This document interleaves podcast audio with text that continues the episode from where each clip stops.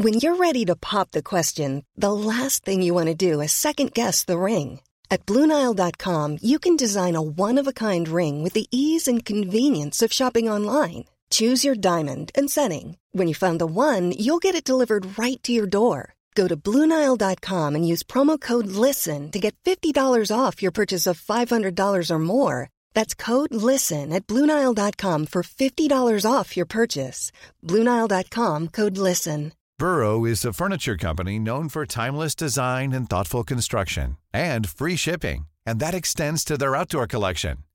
Their outdoor furniture is built to withstand the elements, featuring rust-proof stainless steel hardware, weather-ready teak, and quick-dry foam cushions. For Memorial Day, get 15% off your Burrow purchase at burrow.com slash ACAST and up to 25% off outdoor. That's up to 25% off outdoor furniture at burrow.com slash ACAST. Everyone knows therapy is great for solving problems, but getting therapy has its own problems too, like finding the right therapist, fitting into their schedule, and of course, the cost. Well, BetterHelp can solve those problems. It's totally online and built around your schedule. It's surprisingly affordable too. Connect with a credentialed therapist by phone, video, or online chat, all from the comfort of your home. Visit betterhelp.com to learn more and save 10% on your first month. That's BetterHelp H E L P. Tuttosvenskan presenteras av Unibet, stolt huvudsponsor till Allsvenskan och Superettan.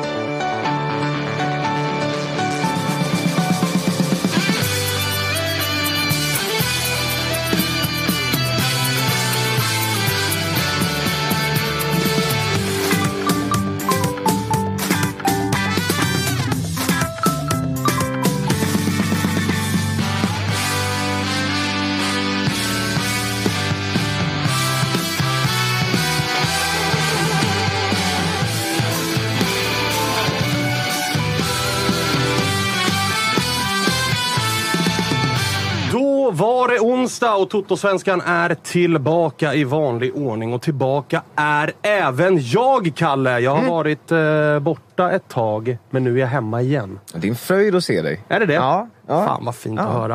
Eh, hur har August skött sig? Eh, Ja, men det är, stabila två plus, eller? Ja, men det, det kan det kan jag någonstans leva med. Hur eh, mår du då? De har ju alla tiders faktiskt. Jag är ju eh, sanslöst glad över... Eh, jag kan ju på, säga det lite nu att om det låter lite märkligt så är det så att vi har en AC i studion nu. Som ser till att vi kan andas här.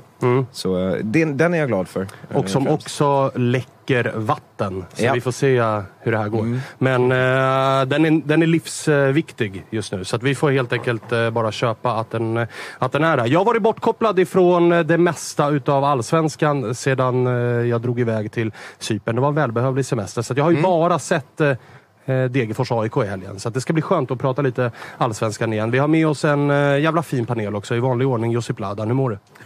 Fantastiskt. Vilken jävla, vilken jävla helg, vilken vecka. Eller hur? Magiskt. Ja, jag förstår att du är väldigt nöjd. Välkommen in i det som är toppstriden. Ja, tack. För ni blev ju inbjudna utav Nej, övriga tre topplag och som jag- valde att kryssa. Har, nu har vi dessutom 50 miljoner anledningar att vara extra glada. Eh, tack vare... Ja visst eh, fan viss- behövde ni de 50 med extra? Ja, jag tänker vad fan, några miljoner hit och dit är väl inte så jävla stor skillnad. Men det, det tackar vi såklart för och eh, kommer ju direkt att återinvesteras i truppen. Så det är väl bara att vara glad, tänker jag. Ja, trist för er. Hemskt. Ja, jätte, jättetråkigt. Eh, vi har också med oss Olof Möller. Inte på lika bra humör. I med och motgång sitter man här. Mest, motgångar. mest mot. Mm. Typ Men- hela tiden. Men sitter här ändå. Ja, det ändå- hedrar dig. Ja, tack. Det var, jag fiskade efter den komplimangen. Ja, jag, jag såg det på Twitter och jag förstod det ganska eh, tidigt här att, det- att det var, att det, var eh, det du ville ha. Mm. Eh, annars då? Ifall du, har du varit som jag, kopplat bort fotbollen här under uppehållet? Eller har du... Eh, ja, till viss del. Sen, ja, jo, det har jag väl ändå kunnat göra. Sen eh, tycker jag att prestationen mot Malmö, vi kommer in på det sen. Eh, jag tycker väl att det finns en del att ta med sig därifrån. Så att eh, även om en derbytorsk alltid är en derbytorsk och en derbytorsk på övertid smärtar ännu mer så är det ändå, ja, det är ändå... Ett litet steg framåt. Lite, lite hopp om det ändå. Ja, Okej, Okej, jag är med. Eh, vi har en debutant i eh, studion också, Oskar Bernevall, IK Sirius. Ja, visst. Välkommen hit! Stort tack, stort tack. Eh, vad, vad presenterar dig? Vad gör du? Vem är du? Ja, jag vet inte. Supporterräv i Sirius-sammanhang. Eh, Och eh, bor i Uppsala så kul att vara i storstan såklart. Tack för den inbjudan. Varsågod. Häftigt, eh, verkligen. Eh, så bara det är härligt. Nej, men eh, Sirius-support sedan gammalt. Varit med eh, på läktaren sedan 2008 ungefär, så aktiv supporter. Så att jag har varit med på hela den så kallade resan. Och En nu är mäktig sådan. Ja. Som vi har pratat om en hel del i Toto-svenskan. Att det har varit en resa som har ändrat lite form. Ja men som nu känns eh, liksom pigg och långsiktig. Verkligen, men eh, man börjar bli trött på den också. Så att det finns ju, Jaså? finns en dubbelhet i det där såklart. Eh, Det ska du få utveckla. Eh, Vi ska ju såklart prata, det var ju en derbyhelg eh, får man lov att säga. Mellan eh, dels eh, ert derby då, så var det någon, eh, om man stretchar derby-stämpeln liksom stämpeln, så var det ju även eh, Guldfågeln Arena. Kalmar, eh, Värnamo får väl också bära någon slags Smålands derby. Vi får se hur våra lyssnare ska lyckas klistra att det är eh, 08-fokus i det här avsnittet. Det, det ska bli intressant, för det brukar de vara jävligt pigga på. Men, men innan vi går in på derbyna så kanske vi ska börja på Studenternas dag, där ju Sirius spelade mot IFK Göteborg. Jag ser jättemycket fram emot fredagsavsnittet. Då kommer Jocke hit. Och han ska ju få berätta, liksom, han, han och Stare är ju tajta. Och enligt Stare så var det ju ja, men utklassning. Det var ett Blåvitt som var helt överlägsna. Fullständig kontroll. De vinner ju matchen och det hedrar de ju. Målen räknas och allt det där. Men, men som Sirius-supporter och även ifrån tränarhåll och sånt så var man inne på att det var långt ifrån en utklassning. Ja visst, alltså, man fick ju som Sirius-supporter aldrig uppleva Gävle i Allsvenskan. Eh, Men det här blev lite av en känsla av att möta Pelle Olssons Gävle. det är vilket Stares IFK Göteborg då. Plötsligt, i alla fall i andra halvlek om man ska kolla på matchbild, faktiskt. Så att det var ju en väldigt sur upplevelse på så sätt. Att eh, Sirius första halvlek, framförallt där det står 1-1 eh, efter första halvlek, är ju bättre än någonsin i år, nästan. Eh, Kanske Elfsborg hemma var väl lika bra, men spelar väldigt bra fotboll. Aron Bjarnason eh, ser ris- riktigt, riktigt bra ut om det är någon man ska hålla utkik på nu utöver de vi säljer. Eh, Så att det var ju kul så, men andra halvlek så är det ju, då backar de ju hem, då får ju det där kontringsmålet eh, som vanligt så här, slarvigt försvarsspel av Sirius. Det sitter i generna, jag vet inte, sitter i väggarna. Vinnarkulturen i Malmö, dåligt försvarsspel i Sirius kanske. Eh, Men vad, vad känner du? För att jag menar, det som går att eh, säga lite grann om Sirius den här säsongen är ju just eh, försvarsspelet, absolut. Ja. Men också att man tappar ledningar. För i den Ja, här eller matchen tar man ju också ledningen. Återigen är det Kouakou som Nej, gör men det mål. känns som vi hittar alla sätt att förlora på. Det finns liksom ingen rak linje riktigt. Jag kan inte peka på vad det skulle kunna vara som gör det exakt att vi förlorar matcher. För vi förlorar fan på alla möjliga sätt. Du vet, Vi gör brutala jävla comebacks och så tappar vi ändå in ett mål i sista sekunden. Alltså, det känns som att vi vet bara. Vi är väldigt bra på att förlora matcher på olika sätt. Och det är det som är oroväckande. Alltså, utöver att allt det som man kan säga om Sirius, som spelar bra fotboll, vi är liksom roliga att titta på, vi har en framåtrörelse, smart värvningsstrategi kanske och så vidare. och Så vidare och så vidare. Så är det också det här att vi tar ju inga lätta poäng. Och liksom, vill man ta nästa steg så måste vi börja ta lätta poäng. Annars så kommer vi ju komma 11 för evigt. Liksom. Det, det här var en sån match där det kändes som att här är vi faktiskt bättre laget. Här måste vi kunna vinna. Men är inte det också kanske grann lite av fakturan som kommer Jo. av att man också vill vara? Relativt unga, relativt hur? spela en riskfylld fotboll. Ja. Då kommer det också kosta. Nej visst, det är ju så. Spelar man riskfylld fotboll med spelare som kanske inte riktigt har den kvaliteten för... Alltså, jag tror att det är rätt sätt att spela för Sirius, men det är också så att spelarna håller inte alltid toppkvalitet. Så ibland får man köpa att det är Dagrasa och Tim Björkström samtidigt i backlinjen. Då, då blir det lite så här eh, ibland. Men jag vet inte, det finns två sidor av det där. Vi är ju rätt dominanta, vi spelar rätt bra fotboll, men det är klart, vi måste, måste vinna de där hemmamatcherna. Liksom. Eh, en spelare som man ju visste skulle göra mål var ju Christian Kouakou. Med tanke på eh, dels att han heter Christian Kouakou och spelar i Sirius och gör ingenting annat än mål. Nej. Men också att det var Blåvitt som stod på, på andra sidan. Det har ju pratats länge om honom och hans eh, framtid. Om den är i Sirius eller vart den är och när det i så fall eh, blir en ny klubb. Nu verkar ju han inte vara den hetaste försäljningen just Nej, nu. Men, nej. men du som är nära klubben och sådär. Vad hör, vad hör du? Blir han kvar? Blir han inte kvar? Eller vad är din Nej, känsla? Alltså, även, även allt, ja, jag tycker jag hör saker från alla håll som kommer till mig. Jag hör ingenting. Alltså Christian Kouakou verkar sitta rätt stilla för stunden. Sen kan ju det, vem vet jag, det, kan, det känns som att det skulle bli något udda om han skulle flytta. Inte någon sån här flytt, inte inom Sverige till att börja med. Det är väl bara AIK som gäller då skulle jag tro. Och det känns ju inte intressant alls nu med Guidetti inne. Det, tittar jag på dig Ja, alltså han är nog eh, rätt sugen. Jo, men jag visst. tror att prislappen och Ja. eh, AIKs budget och AIKs intresse, det är nog noll just nu. Ja, eller hur? Och så, så att det känns som att då skulle han utomlands på något sätt. På något udda vis. Polen. Jag vet inte, alltså hitta något du inte förväntar dig. Typ. Så jag känner mig rätt trygg att han kommer stanna. Eh, och det är ju liksom jätte, jätteviktigt. För vi har inte haft en sån där striker som gör sådana där mål någonsin så länge jag har helt på Sirius i stort sett oavsett nivå. Så att det är ju en jättetrygghet. Jag hoppas verkligen att han stannar. För tappar vi både Shabani rätt snart och sedan kommer vi tappa nu. Även om han är sjuk för stunden. Så, Just det, han är var det sjuk. Ja. Han var sjuk ja. Vi, vi, eh, vi kollade ju med eh, Zeidan ifall han ville vara med i avsnittet. Men han tackade nej eh, till det. Och det verkar ju Josip, du som eh, har koll på grejerna där nere, att det när som helst blir en officiell övergång till Malmö. Ja, det tror jag. Eh, Eller ja, ja det, de facto, det, Ja. är, det är färdigt. Eh, och det är väl... Det är väl ja, alltså, om man ska prata om Zidane, det har väl varit mer nästan spännande att följa liksom, den här ska det bli Bayern eller Malmö eh, diskussionen mer än, det, än vad det har varit. Liksom, kommer han eller så här, Sirius och den rollen och hur mycket pengar Sirius ska få. Det, det kommer bli väldigt mycket pengar med allsvenska mått mätt. Alltså, det är den, i den övre, övre klassen. Strax under 10 miljoner. Däromkring. Någonstans mellan 5 och 10. Exakt, och däromkring. Och det, och det, det är väl också en extra krydda i sammanhanget är ju att Malmö återigen betalar väldigt mycket pengar till Sirius eh, med tanke på allt som har funnits där sedan tidigare. Och då tänker du på Kingsley Sarfo. Eh, bland annat. Eh, och eh, hela den liksom, diskussionen och, och kontexten och sådär. Samtidigt, alltså, det som då skulle avgjort enligt kollega eh, Daniel Kristoffersson var ju då att han hade ett samtal med Milos och hur Milos paketerade hela den här, liksom, hur vi ser din roll, hur ska du spela, vad ska vi spela, eh, liksom taktiska, analytiska och sen då såklart Europaspelet som lockar och framförallt det som jag också tror i det här sammanhanget, den, den geografiska närheten hem till Helsingborg och familjen. Eh, han hade haft det på ett annat sätt om han hade varit i Hammarby eh, med eh, kusinerna Khalili där eh, som har varit väldigt viktiga för honom. Han har själv varit inne på det också. Men familjen Helsingborg och, och hela den grejen, det tror jag det, det är en faktor som man kanske inte tänker på aktivt, men Och sen- den avgör. Sen tror jag också att så här, i och med att Bayern inte spelar i Europa, alltså i Malmö, kommer det att ges. Dels med skadehistoriken som har varit den här våren. Bara där blir det naturligt att Malmö kommer Ja. kanske vara lite mer försiktiga. Malmö har dessutom Europaspel, vilket kommer betyda att det, det måste roteras under hösten och under, under eh, sommaren här. Malmö kommer ju nå någon form av gruppspel. Vilket det blir, det vet vi ju inte. Men något, minst Conference League räknar jag nästan med, med tanke Ja. på vilka jävla fallskärmar det är att kvala till Champions League. Att åker du ut Ja. där, då får du en ny chans i Europa League och sen en ny Och chans i de, Conference och de League. motstånden Och som är i de här två omgångarna, det vill säga Vikingur från Island och sen då vinnaren mellan Žalgiris och något lag från Ja, och det ska ju Malmö slå. Och skulle de sen torska i en tredje runda precis innan playoff, Ja. är det mer eller mindre gata in i Europa League-gruppspelet. Så, att, så att det kommer ju finnas mer möjligheter där. Medan i Bayern så tror jag inte ens att han är första valet av värvningarna. Jag tror Bayern hellre värvar Tankovic. Och jag menar, Bayern ska bara spela allsvenskan. Mm. Och den att- dealen är ju dessutom off med Tankovic. Han ska ju på väg till Cypern. Är det här. så? Ja, Pafos FC om jag läste rätt. Så att den, den dealen spricker ju. Eh, med allra Okej. högsta sannolikhet. Ja, men då också. kanske det hade funnits någonting där. Men jag, Ja, men jag menar, jag i Bayern kommer det vara en relativt satt startelva. Är han inte med i den, ja, men då kanske det inte blir så mycket speltid alls. Ja, och så det- där och är ju valet det- Malmö kanske lite smartare då. Det är där också, men det är också tre, det tre man mittfältet som är så pass satt med eh, Nahir, med Darjan och med Låret.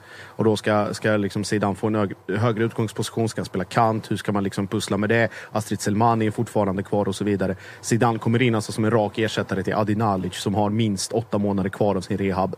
Eh, Sebastian Nanasi ryktas vara på väg bort. AC är skadad och det behövs någon... Ja, och typ Rex och Berget blir inte yngre. Ja, och hela det behövs någon typ igår. Eh, så att jag, jag, jag förstår resonemanget och det är väl det är, av dem också en annan parameter här. vi pratar om eh, trupp, eh, truppstruktur. Och nu, nu är det många i Malmö och många ska bort och hit och dit. Malmö måste gå efter svenskfostrade spelare på grund av balansen i truppen.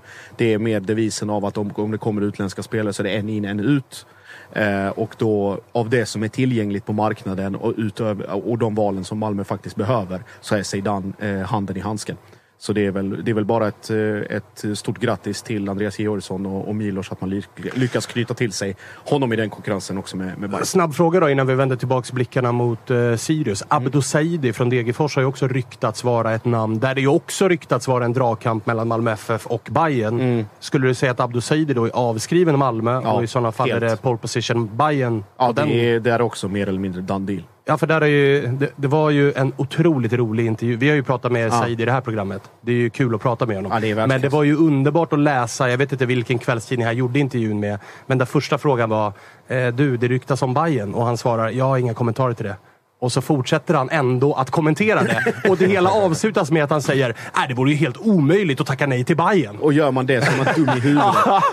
Väl, väldigt, väldigt mycket on-brand. ja, väldigt mycket on-brand Abdo Saidi. Ja, att inleda med att säga, vänta hur är det proffsen gör? Eh, inga kommentarer. Och det- Jag har ingenting att säga om de här ryktena. Avslutas med man är dum i huvudet om man säger nej. Ja men det är också så här, också snabb, eh, vi tar Saidi Zeidan. Eh, Saidi som är liksom från Nor- med Norrby och Degerfors och, och den Bayern känns som ett naturligare steg att ta i den, trapp, alltså i den trappan än vad det är att gå till Malmö i det skedet. För att Bayern är någon, fortfarande någon form av mellanstation innan du kan gå ut vidare. Ska du till Malmö och det är det med all den kravställning som finns och som är etablerad. Vi pratar vinnarkultur och historia och, krav, och alla andra de här parametrarna. Zidane och hans pannben är också en match made in heaven för den miljön. Att det han har gått igenom och den liksom idrottsliga resan och den personliga resan med England och bli eh, vad heter det, ungdomsproffs och sen bli, och försöka bli övertalad och sluta när han är 16 och allting sånt. Det krävs en viss, en viss skalle för att, för att klara av en sån miljö. Ja, och det är jag helt övertygad om att Zidane kommer ha. När han, eller har redan, men eh, kommer bli ännu, ännu hårdare mentalt. Gör det någonting med eh, en Helsingborgs-supporter att en Helsingborgs-påg ser ut att bli ljusblå? Alltså det gör nog mer om det är en spelare som är tätt förankrad med Helsingborg. Det här är ju en talang som vi har gjort några gånger, till exempel med Jonathan Levi, liksom slarvat bort själva. Eh, Så att eh, på det sättet, alltså det ju- man vill ju aldrig se helsingborgare i Malmö FF. Det, är ju, det säger sig själv. Men här- Är det mer frustration mot klubben än mot spelaren? Ja, liksom? ja, det är liksom när man... Vi har ju bommat både Levi och Sidan. Liksom, så här i efterhand så är det klart att det är frustration mot klubben och att, att han väljer Malmö FF. Ja, eh, du var inne på faktorerna Josip. Alltså det är ju sådär närmare hem, större klubb än Sirius. Alltså, ja, det, jag är nog mer frustrerad över att liksom, vi sumpade den chansen än att det var liksom någon form av... Ja, han ska ha någon lojalitet mot Helsingborg så jag riktar någon form av agg mot honom ändå. Liksom.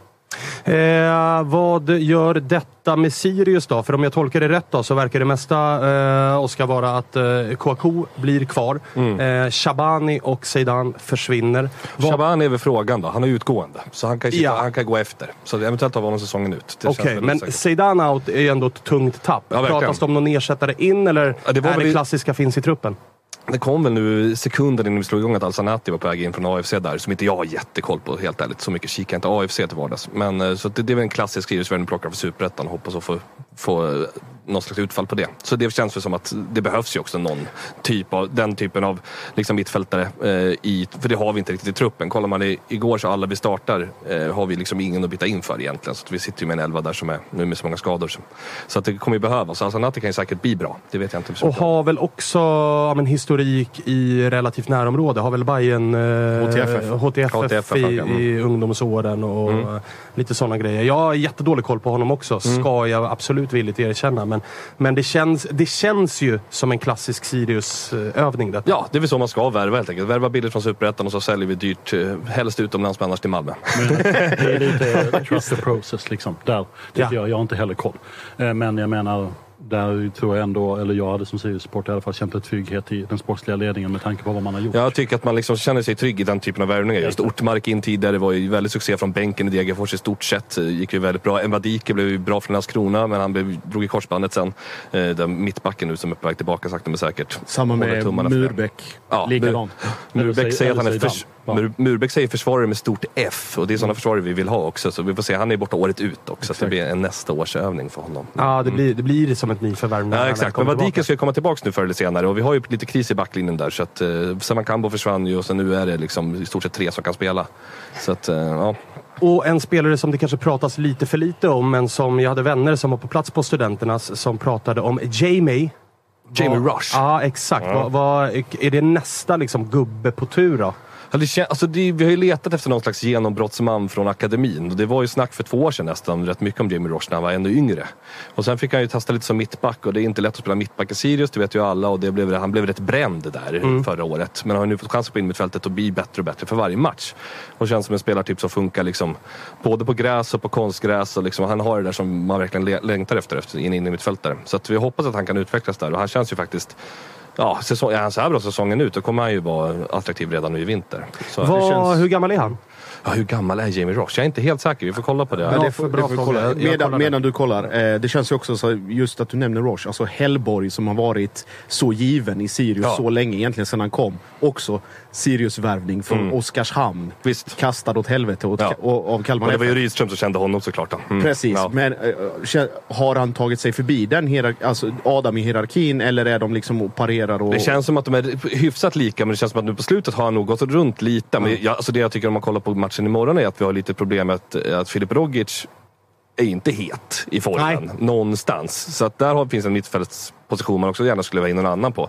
Kanske man skulle kunna spela både Hellborg och Roche. Eventuellt då, om den formen fortsätter vara så. Liksom. så att, eh, och Hellborg känns ju som att det har varit mycket upp och ner också. Han, är liksom, han gör bra matcher, men han är också en spelare som man liksom undrar ibland. Är det någon man verkligen kan luta sig emot? Så att, mm. 21 år gammal igen, Ja, Jamie. Roche. Mm. Eh, Så har vi det. Så det, det kan absolut vara nästa gubbe på tur Ja. att göra en ganska bra affär för. För det, det man får säga nu är att det har gjorts ganska många bra affärer. Det har kommit in ganska mycket, Ja, ganska mycket bra pengar i klubben som inte riktigt har återinvesterats på dyra nyförvärv. Nej. Snarare smarta sådana.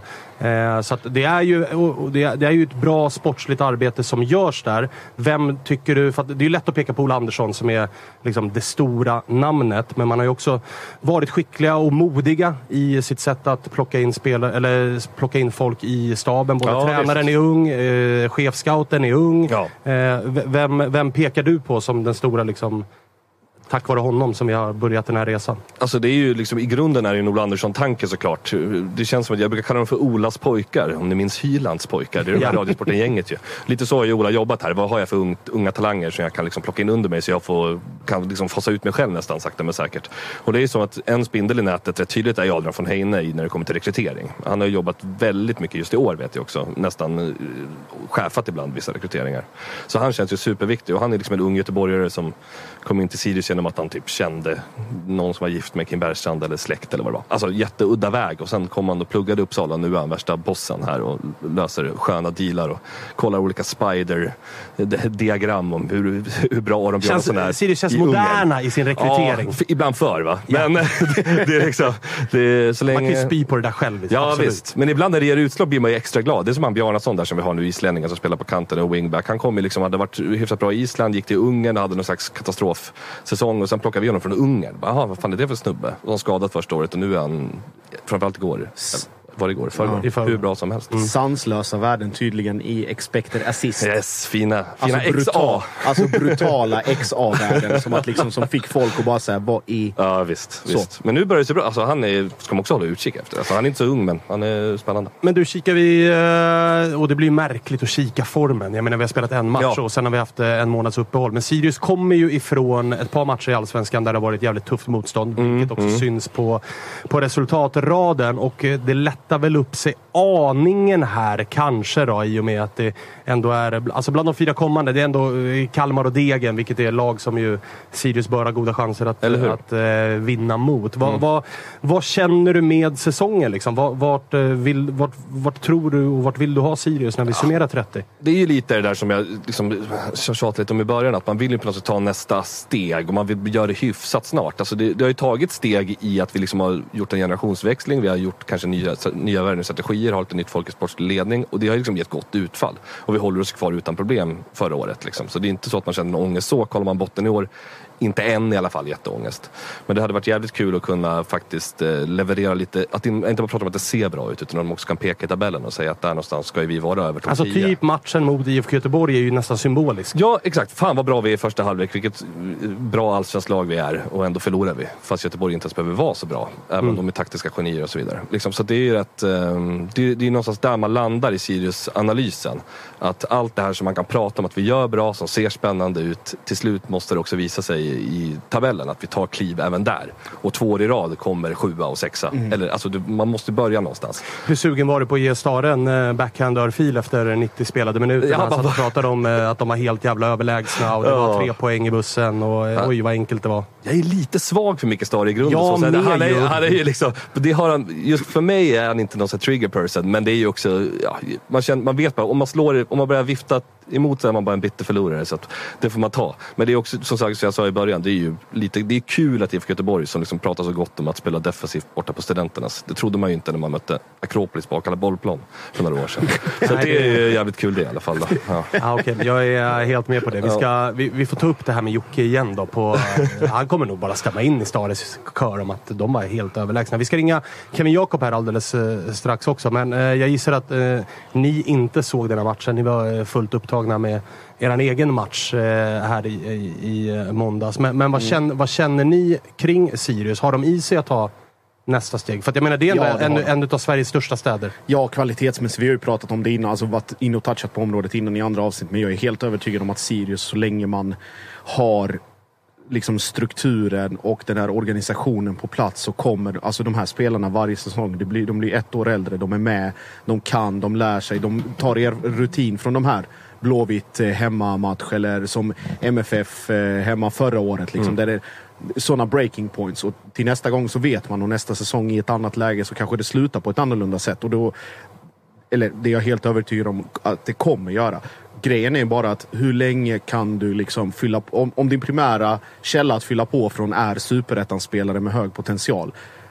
Då måste du kunna locka folk som är ett snäpp upp. Det kan vara på någon, bänkspel, alltså någon bänkspelare i allsvenskt topplag. Eller den typen av grejer som ändå är på väg att bryta igenom. För det är den kvalitetshöjningen som behövs. Och då måste du kunna locka med någonting. Då måste du kunna locka med... Var det inte lite det man gjorde med Filip Rogic då? Alltså det är spelare som är perfekt. gubbe 12-13 Och det, i AIK. det är helt perfekt. Och, då, och sen då liksom så här, 12, gubbe 12-13 i AIK eller gubbe eh, kanske 13-14 i MFF eller liksom i andra sådana sammanhang. Att kunna locka med Uppsala som stad och Sirius som klubb och engagemanget som vi pratat om, Ja, hyllat visst. återväxten på läktarna i, i många avsnitt. Att hela det här paketet Sirius slash Uppsala som liksom språngbräda för något högre ut. Det kommer ju komma av sig självt givet att man fortsätter att ligga där man det ligger. Alltså, ni kommer ju kunna tömma, säg Örebro SK på topp fem talanger som kanske hade gått, gått till Örebro men som tar Sirius nu istället. Bara på grund av att man litar på det man gör. Så men vad känner du med, som vi var inne på, Zeidan nu? Det kommer in 7, 8, 9 miljoner där någonstans. Det har sålt spelare förut för ganska mycket pengar. Eh, pengarna återinvesterats billigt på superettan-spelare eller eh, gubbar som man hittar under en sten i Ungern eller vad fan det nu än är. Känner du att man kanske, för att ta nästa steg, kanske behöver ta 4-5 miljoner av det man får in på Zeidan och faktiskt köpa mer färdigt snarare än att köpa utvecklingsbart och sen sälja dem vidare. Alltså, det För jag ju- menar, det har ju sin höjd. Det är ju en väg att gå såklart. Men jag, jag tror nog ännu mer på att att i grunden kanske hitta de där spelarna ändå. Tänk på Lauren Shabani nu, jättebra exempel Mm. ju. På, alltså nu när hans kontrakt går ut och han vill ha en fet sign-on och vill ha högre lön, såklart. Att man i det läget börjar investera och ha råd att faktiskt förnya de kontrakten och säga stanna här två år till med oss istället för att gå till IFK Norrköping till exempel. Mm. Alltså det är den, den konkurrenssituationen måste man liksom ta steg framåt och kunna liksom kliva in med lite mer ekonomiska muskler som man borde kunna få också om man fortsätter så här ett tag. Jag tror, alltså, det är klart, värvar vi bra fotbollsspelare som redan är klara och färdiga för att leverera Allsvenskan och de gör det, är jag hur glad som helst. Men jag tror nog mer på att eh, Alltså ändå så pass liten klubb i grunden Sirius, ska man inte glömma att liksom både Uppsala och Sirius vi är ny, lite nya på det här. Alltså historiskt sedan 1907 när Sirius bildades så har vi spelat tre säsonger i Allsvenskan innan de här sex i rad. Så det är liksom inte Det är så att det är en gammal stor jätte utan det är en rätt liten klubb egentligen i en stor stad. Så jag tror Men att för att ta upp konkurrensen så, Ja, så, är, så...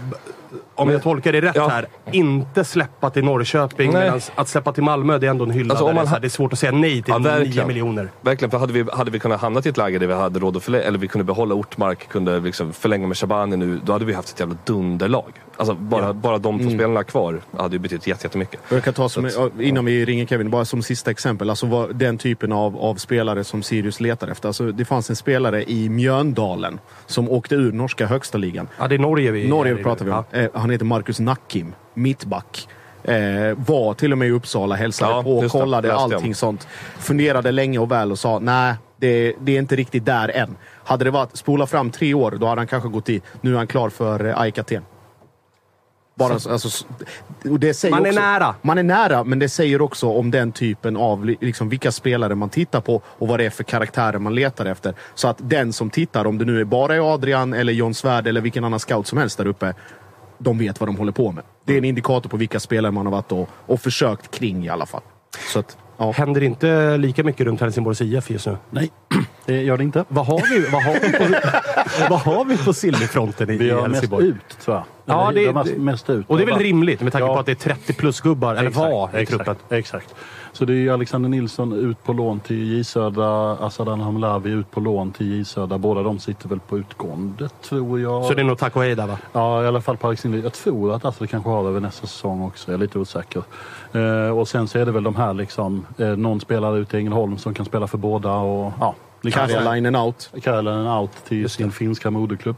Eh, kommer alltid komma ihåg 3-1 målet mot eh, Halmstad, vill jag ändå ha sagt. Det ska han alltid ha med sig. Club Eh, legend. Ja, fan The streets won't forget. Exakt. Ja, fan. Ja, nej, det var, Jo, Josef, det kommer de göra. Jävlar. Så småningom så kommer till och med gatan glömma. Är inte södra Stenbox, äh, mellersta Stenbocksgatan. Inte, inte hos oss. eh, nej, så det händer ju nästan ingenting alls. Eh, sen ska vi säga att fönstret har ju inte öppnat än, men man Nej, det har har det velat inte. ha lite mer eh, in såklart. Eh, sen är det ju lite sådär, vad finns det i truppen som... Jag menar Amo Ako och Ako, vi kom in på det. Eh, två som aldrig fick chansen riktigt under Jörgen Lennartsson. Går in och är bra mot Malmö.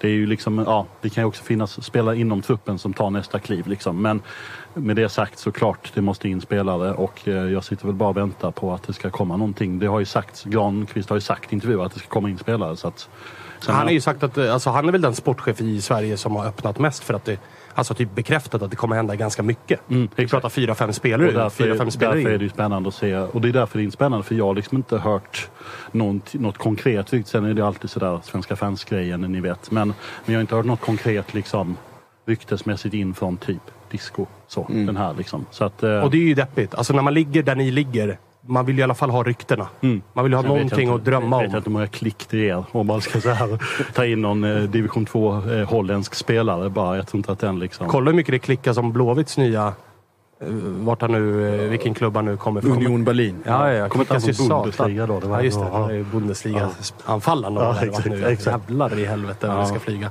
nej, men, nu, nej, nu blir det SM-guld. Sorry Josef. Ja, nu, men de, är, de går på mål nu. Ja, ja. Alltså efter utklassningen av, av Sirius, Sirius ja. så då märkte man ju på Stare vilken tung, tung Ja, ja. ändå tyckte att det var. Vilket är, och som du är inne på, alltså att de kommer dit och parkerar bussen. Det är någonstans berömt till Sirius. De kör guys nu bara i Champions League inom, vad är det, fem år? Ja, ja, det är ju femårsplaner och, och ny superscout och, och hela jävla paketet. Eh, vad, vad, har, ni, har ni kikat någonting på highlights från eh, Blåvitt-matchen? Har ni någon tanke om Blåvitts eh, segrar mot Sirius? Ja, alltså om man, om man ska försöka vara lite, lite mindre raljant kring Blåvitt. Ja, alltså hej, det är starkt att vinna matchen, herregud. nej, men alltså det jag tänkte på framförallt, det som utifrån highlights och lite längre sekvenser och sådär. Nu, alltså vi, vi har garvat åt att eh, Stare alltid säger modernt retro och hela den grejen.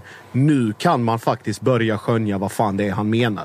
Om det så innebär att spela Pelle Olsson-fotboll från Gävle 2008 så må det vara så. Men det finns Då har vi i alla- fall identifierat retrodelen. då, exakt. Och sen om det är modernt. Om det, om det moderna är att det sker med större, alltså att det går snabbare. Eller att det är mer effektivt. Eller olika andra parametrar. Det kan inte jag svara på. Men att man börjar i alla fall veta någonting ungefär om vad fan det är de vill göra för någonting. Sen nu med, med Berg borta. Det är också ett styrkebesked att kunna göra det när man är så pass beroende av en spelare som de är. Men att det i alla fall finns någonting att greppa eller någonting att ha någon form av ram kring när det kommer till framförallt Blåvitts anfallsspel. Det är väl det, är väl det man tar med sig från, från den matchen. Ja, och jag vill bara säga innan folk slaktar mig fullständigt här så är jag fullt medveten om att det är jävligt starkt att sakna sin bästa spelare, åka på en tuff bortamatch, lämna den med tre poäng oavsett hur det ser ut. Mitt AIK lyckades inte göra det mot Degerfors. Så att, liksom, jag, jag vet. Och det ska väl också sägas fine att så här, det är liksom modernt retro det här. Men jag menar, vad ligger de åtta nu och fyra poäng upp till? Alltså, Ja, ja, de, har ju, alltså- de har ju känning på topp... Alltså nu låter jag ju som Jocke men de har ju känning på toppstriden här ändå. Och jag menar det får man ändå ge dem. Alltså, sen, Ja, de vinner. Ja exakt. Sen att de liksom kanske inte är så överdrivet överlägsna som Stare vill få det att låta som. Så tycker Nej, jag ändå vem, så här, å andra sidan, vem fan trodde att... Sa- Alltså det är Micke Stare och. IFK Göteborg vi pratar om. Exakt. Sen när hade någon en förväntan att de skulle spela någon sexig fotboll där det, liksom, eh, det, det räknas eh, XG hit och eh, XA dit. Och Och han står ju inte för det. Det hade nästan varit mer provocerande om de inte var bröstet ut. Med tanke på att de är IFK Göteborg, med tanke på att det är Micke Stare som styr. Alltså då hade man ju snarare så här, om de ska liksom krypa tillbaka och vara något liksom så. De får ju ändå, ja, de får ju ändå gå ut och liksom vara de de är. Jag är ju bara avundsjuk på att de tar en AIK-seger. Ja. det där, så där är, Du menar där seger på bortaplan? Ja, men, nej men alltså vinner med 2-1 Ja. Mm. utan att vara bra. Det är ju, de har ju snott. Han har ju tagit med sig AIK-stilen ner till västkusten. Det stör mig så in i helvete. Eh, skit i det. Nu ringer vi eh, Kevin och, frågar, eller, och kollar vad han har att säga. Han gjorde ju mål i den här matchen. Just det. Såklart han gjorde det. Och det har ju pratats en del runt Kevin den här... eh, För det var någon vecka sedan i alla fall det gick lite surr om Kalmar. Kalmar och lite sådana grejer. Vi får väl se vad han säger, säger om, eh, om det. Se om han svarar också. Det vore ju supertrevligt. Här har vi honom! Kevin, hur är läget? Tjena, tjena. Det är bra. Det är bra själv. Det är bara toppen. Vi sitter och pratar om er match mot eh, Sirius här senast, som ju blev, eh, om jag förstår Stare rätt, en oerhört skön trepoängare. Ja, nej, verkligen. Det var viktigt för oss att inleda den andra halvan av säsongen på, på ett bra sätt. Eh, och sen är Sirius borta ingen lätt match. Jag tror vi var väl det andra laget som har tagit poäng där. Ehm, så nej, det var väldigt viktigt. Hur eh, känner ni själva? För att jag tror nog att det var många, många, många Blåvitt-supportrar när de fick reda på nyheten om att Marcus Berg, som ju har varit och är en, en, liksom en ny, bärande nyckelspelare för er, att han inte kunde komma till spel. Hur påverkar det en trupp när lagets liksom, ja, men stora stjärna saknas?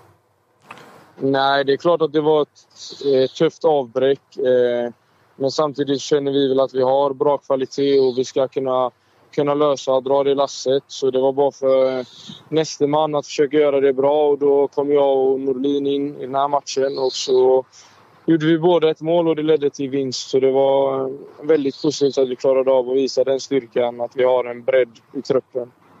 Känner man omedvetet, tror du, att eh, ja, spelare som du är inne på, dig själv, Norlin, att, så här, nu är det upp till mig? Alltså att man, man taggar till ännu lite mer. För att jag menar, när han är med så kan jag tänka mig att det blir lite av en falsk, falsk trygghet. Du förstår vad jag menar? Att så här, man har honom där, man vet att hur bra han är och att man kan lita på honom. Och att ni då känner att så här, nu är det my time to shine. Liksom. Ja, nej, alltså man känner ju att man vill ha, man vill ha och man får ett större ansvar. Eh, och med det ansvaret så försöker man bara göra ännu mer bra grejer. Som du säger blir en extra motivationsfaktor till att eh, försöka vara den där avgörande spelaren. Eh, så det var... Som sagt, jag tycker det är starkt av oss att eh, kunna lösa det. Vi är utan Mackan som är, om inte allsvenskans bästa spelare, en av dem i alla fall. Eh, och avgörande blev det ju med tanke på eh, ditt mål. Hur viktigt var det för dig att, att eh, plussa på med ännu en, en balja i, i protokollet? Nej, det är såklart viktigt. Det är en styrka som jag känner att jag har och det är något jag har sagt ända sedan jag kom till Blåvitt att jag vill tillföra med mål och poäng och det är en styrka jag känner att jag har. Så det var väldigt viktigt för mig och för självförtroendet och för att eh, öka mina chanser att få fortsatt speltid. Det kändes jättebra. En fråga här Kevin. Eh, Det här, både det här målet och det tidigare. Eh, ger det dig lite extra förhandlingsutrymme nu när det ska börja pratas förlängning och så vidare? Så det är klart att jag sätter mig själv i en bättre sits varje gång jag gör bra insatser. Så det är bara det enda jag försöker göra nu. Att spela bra varje dag på träning och på match och sätta mig själv i den bästa sitsen jag kan för, för framtiden här. Och just när vi pratar om, om framtid och, och diskussioner och sånt. Hur, liksom, hur hanterar man hela den här grejen kring att det kommer frågor konstant? Liksom, trött, jag jobbar ju med det så att jag vet, vi, vi är Ja. på er hela tiden. Men att det blir så här, ja men ska jag behöva, alltså vad fan det är fjärde gången den här veckan den här frågan kommer. Blir det, blir det att man tänker att så här, jag ska bara ge dem samma svar hela tiden eller hur går de tankebanorna? Alltså att man Nej, behöver alltså, deala det, med det, det, hela tiden. det är ju samma svar som jag har och det är väl att alltså, man har inte eh, så mycket makt förutom att göra sitt bästa varje dag. Och som jag säger, genom att göra bra prestationer eh, varje dag och eh, hjälpa laget på bästa sätt så kommer jag öka mina chanser att eh, få ett bra ände för mig. Eh, sen vad det blir, om det blir i Blåvitt eller någon annanstans, det kan jag inte svara på. Utan jag får bara försöka sätta mig själv i den bästa sitsen och sen eh, ta det därifrån. Är det, för att du har, eh, som jag har förstått saker rätt, du har ett halvår kvar på ditt avtal med IFK Göteborg, Exakt. eller hur? Ja, är, det, är det en jobbig sits att vara i som spelare? Alltså att så här, man inte riktigt vet vad framtiden har. Du, du vet inte om du kommer vara kvar i Blåvitt eh, nästa säsong eller ens resten av den här säsongen. Eller så kanske du blir det och förlänger. Nu, nu fiskar jag inte efter något liksom vart framtiden bär av, utan jag fiskar bara efter hur det påverkar en mentalt. Att inte, för det är en annan sak att sitta på ett treårskontrakt eller fyraårskontrakt. Man, Ja. man är rätt trygg i att här ska jag vara, här ska jag köra. Man kan titta på boende och hela den här grejen. Som är, man har en annan Exakt. trygghet än, än vad man har nu. Hur, hur påverkar det? Är det jobbigt eller är det, är det kul att inte veta? Nej, alltså det är klart att det är som du säger, den här tryggheten saknas ju. Eh, men någonstans så ställs det mot sin spets och då blir det lite mer att man måste prestera varje dag för att eh, man har inte tid för att kasta bort. Eh, så det blir lite att nu, nu gäller det och nu är det dags att visa för att eh, när man inte har långa avtal så är det mer, det är mer skört. Så då måste man ta vara på varje chans. Det, jag tycker det gör det roligt och spännande och det gör att man eh, får några procent extra. Så eh, jag hoppas att jag kan använda det till min fördel bara. Ja, för jag kan ju tänka mig att också är... Ja, men det, måste vara lite triggande och roligt också att veta att Ja. nu ligger det mer i dina händer. Sitter man på ett fyraårskontrakt eller ett treårskontrakt, då måste det komma ett bud och klubben måste acceptera. Nu är det egentligen du som sitter med, med liksom den bästa, de, de bästa korten på handen och vet att det är ditt val och, och din agent kan plocka fram avtal från utlandet eller andra svenska klubbar eller och förlängningsavtal från Göteborg och så är det nästan lite grann så här välja och vraka. Du, du bestämmer din framtid och det kan ju vara kul kan jag tänka mig också. Ja, nej, det, alltså, det är som du säger. När man har långa avtal så är ju eh, makten mer hos klubben kanske eller så. När man eh, däremot har kort avtal så blir det ju mer i dina händer. Och jag tycker det är kul och då... Alltså... Det blir mer upp till en själv som du säger och det gör det, det gör det speciellt. Och det är någonting jag försöker göra det bästa utav och sen så får man se vad det kommer. Men det är klart det finns positiva och negativa saker med att ha långa kontrakt och ha korta avtal också. Eh, Tjena Kevin, en snabb fråga här. Jag, liksom det jag har läst och det jag har sett av Blåvitt så tycker jag så här, spelet har inte alltid sett sådär 5 plus ut men, eh, och vi pratade lite om kort innan vi ringde upp där men ni är ändå med där uppe poängmässigt och ni tar ändå, jag säger, hur går liksom snacket i truppen om det där? För jag menar, vad är ni, vad är det, fyra poäng bakom Europaplats eller? Och, typ en match, och en match mindre Ja, spelad exakt. än AIK. Och, alltså, hur går liksom tankarna där? Nej, det är klart vi känner också att vi kan spela bättre och i många matcher eh, skapa ännu mer chanser och vara ännu bättre offensivt. Men vi vet samtidigt att vi är väldigt jobbiga att möta för alla lag i Allsvenskan. Eh, och vi jobbar på att försöka bli bättre, men eh, som du säger, det har varit lite upp och ner. Vi hade tre raka vinster i början, sen var det en tuffare period och nu har vi två raka. Så vi känner att vi vill bara bygga vidare på det här självförtroendet. Får vi nu en tredje raka seger här så är vi med där uppe igen eh, och hakar på. Så eh, nej, det är en resultatbaserad bransch och eh, vi vet att vi är bra på att eh, ta resultat när vi är bäst. Eh, så vi bara försöker jobba på våra styrkor och det är framförallt att sätta defensiven och eh, ha en eh, trygghet och stabilitet där. Och sen offensivt så vet vi att vi har eh, potential att bli bättre och det, det är det vi jobbar mot varje dag. Du, eh, ni hade en bussresa hemifrån Uppsala. Jag gissar att eh, ni garvade lite grann åt det lilla ordkrig som blev mellan Sirius tränare och eran egen. Vad, vad, vad säger du om, om Stares eh, citat om att ni var helt jävla överlägsna? Nej, alltså. Det var inte något vi tänkte på så, men eh, sen vet jag inte exakt vad han sa. Men så som jag har tolkat det så var det väl lite att taktiskt sett så var det exakt så här vi hade föreställt oss och planerat matchen. Sen känner jag väl att första 30 minuterna så blev problemet att de skapade för mycket målchanser med sitt bollinnehav. Eh, och de kom in för mycket i mellanytorna. Men sen efter det så kände jag att vi, vi låg och vi visste att vi skulle få försvara mycket för Sirius på hemmaplan är ett lag som har mycket bollinnehav.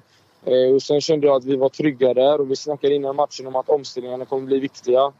Så i slutändan blev det ju exakt som, som vi hade planerat. Att det blev, vi fick vara stabila defensivt från i alla fall minut 30. Och sen eh, fick vi eh, ta vara på våra omställningar. Så jag tror det var väl mer det han menade att det gick enligt plan. Det gick enligt plan, men han eh, uttryckte det på ett väldigt Stare-aktigt sätt, vilket ibland kan bli ganska kul. Ja, ja exakt. Han är ju rolig. Jajamän, det är, det är han verkligen. Han är, han är, han är grym. Härligt då Kevin. Eh, Vi ska prata mer eh, IFK Göteborg på fredag. Då kommer eh, din polare Jocke hit och kanske att vi till och med lyckas slå en signal till Jockes polare och Kevins tränare, nämligen Stare. Det blir kul. Mäktigt. Ja, det hade blivit bra. Har du någon fråga vi ska skicka med till Stare i så fall? Nej, jag tror ni, ni, ni löser det bättre än mig. Okej. Eh, grymt då Kevin. Tack för att vi fick ringa och prata med dig. Yes, yes. Tack själva. Vi hörs. Ha det bra. Samma. Ciao, ciao. Hej. Kan det vara så att både Sirius och IFK Göteborg fick matchen dit de ville? Ja, det kanske Eller var så, eller hur? Matchspelsmässigt. Matchbildsmässigt stämmer. båda svinnöjda med Det eh, hur det var. Ja. Eh, ska vi lämna eh, Sirius och Göteborg lite grann för stunden då? Blåvitt pratar vi mer om på, på fredag igen, men vi lämnar eh, matchen på Studenternas och så rör vi oss väl till det som var derbyt där nere i Malmö, mellan Malmö och Helsingborg. Olof, eh, jag, jag, jag vänder mig till dig först. För att det var lite mer... Ja, men, eh, vi, kan väl, vi tar det, de glada sen, Visst. Ja. tänker jag. Mm, Eh, men men eh, eh, vad säger du om detta? Vad, jag, bara innan vi tar upp matchen. Var det, nu, nu, jag vill verkligen undvika att hälla salt i sår. Men uppslutningen på bortasektionen, kunde, var, den, var den slutsåld? Nej, det tror jag inte riktigt den var. Och, det är Och är inte det för dåligt? Jo, det är... För, det- jag, ska, jag var inte på plats själv, så jag ska inte sitta här Ja, men då ska du ha en del av- där har du en del av- av, eh, av Jag är- kakan då. Jag ska ha en del av sleven. Eh, men ja, det, det är tråkigt. Eh, sen eh, kan man ju nog göra en egen podd och, om liksom hur publiken har påverkats av allting som har hänt de senaste åren. Helsingborg och så. Eh, det ska vi nog ta här för då blir vi för långrandiga. Men, men eh, nej, och, men sen samtidigt, eh, jag tycker att för mig som satt och kollar på TV, de som är där gör ett jävligt bra jobb. De, eh, ja, det är ett bra tryck. Jag tycker vi liksom eh, matchar Malmö i många stunder, liksom sångmässigt. Eh, jag vet, jag är biased, men jag tycker ändå det. Och ja, jag tycker faktiskt att de som är på plats levererar bra. Så Och det gör de. Så att uppslutningen är ju, ja, jag tycker ändå liksom röstmässigt, sångmässigt. Sen vill man ju alltid ha fler folk på plats. Liksom. Men, Det var ju- eh, det var strul med biljettlänken innan, eh, det var strul med att komma in på arenan. Det Matchen blev försenad Det var strul med tågen. Det var därför Ja, det blev uppskjutet. Där, Exakt, för att mm, det var strul med tågen, det var strul med, det var strul med match, liksom biljettlänken från Malmö FFs sida. kan man ju se om det är en konspiration eller inte. Ja, Jag säger givetvis är det det. om Givetvis. Jag Men, bekräftar eh, att det är ja, konspiration. Men, eh, ja, Mest nej, för att så jag älskar konspirationer. Exakt, exakt. Så vi kör på den konspirationsgrejen. Men eh, nej, så att eh, ja, det är klart vi, ja, jag hade önskat att man kunnat vara fler, men jag tycker fortfarande att leveransen är viktigt bra på vårt. Sen eh, kändes det väl om, ifall jag tolkar liksom, eh, artiklar och folk jag följer och allt möjligt eh, rätt, så kändes det som att Malmö var klart bättre inledningsvis men inte fick eh, riktigt hål. Men att framförallt eh, från Helsingborgs håll så var det ett par nya bekantskaper som du var inne på tidigare då, som inte har fått chansen under Jörgen Lennartsson som kom in och gjorde det väldigt bra här och som nästan känns, gissar jag, som att det blir ja, men sommarvärvningar med tanke på lite speltid de har fått här under, under eh, vårsäsongen. När det, om man jämför liksom med vårsäsongen och när jag såg elvan som släpptes så tänkte jag först att det kanske var tryckfel typ. För det var många spelare som inte var. Eh, Emil Hellman och Kasper Widell spelar, i mittbackar. Emil Hellman har gjort en match hittills. Och det, Men det var lite så här, är det här, var det här gårdagens u 11 Exakt, exakt. Och han, har ju, han är ju vänsterback och har spelat två matcher den här säsongen. En som högerback mot AIK och en som mittback mot Malmö FF. Det finns ju lättare sätt att starta en, liksom, en karriär så säga. Eh, samma sak, Aqua och Amoaco eh, liksom har inte knappt fått chansen men går ju in och gör det med beröm godkänt verkligen.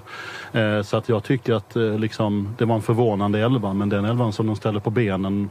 Jag tycker de första 45 och matchen i helhet, det är väl egentligen bara Elfsborg hemma. Den första 45 som kan matcha sig med de första 45. Jag tycker HF står upp riktigt bra. Jag tycker de eh, matchar Malmö på många sätt.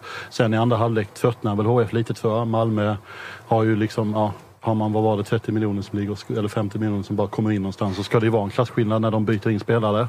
Eh, och så är det, klasskillnaden blir ganska tydlig när, de, liksom, när Malmö börjar byta in spelare, när HF börjar byta in spelare. Men jag tycker vi står upp bra defensivt. Eh, det är klart man släpper till chanser, det kommer man alltid göra. Eh, hade vi bara, jag tycker vi hade, det saknas lite i spets, lite i liksom skapa chanser och det har vi varit inne på här innan att i båda straffområdena har det varit lite problematiskt för HIF. Eh, men jag tycker på det stora hela, det är ett rakare spel den här matchen.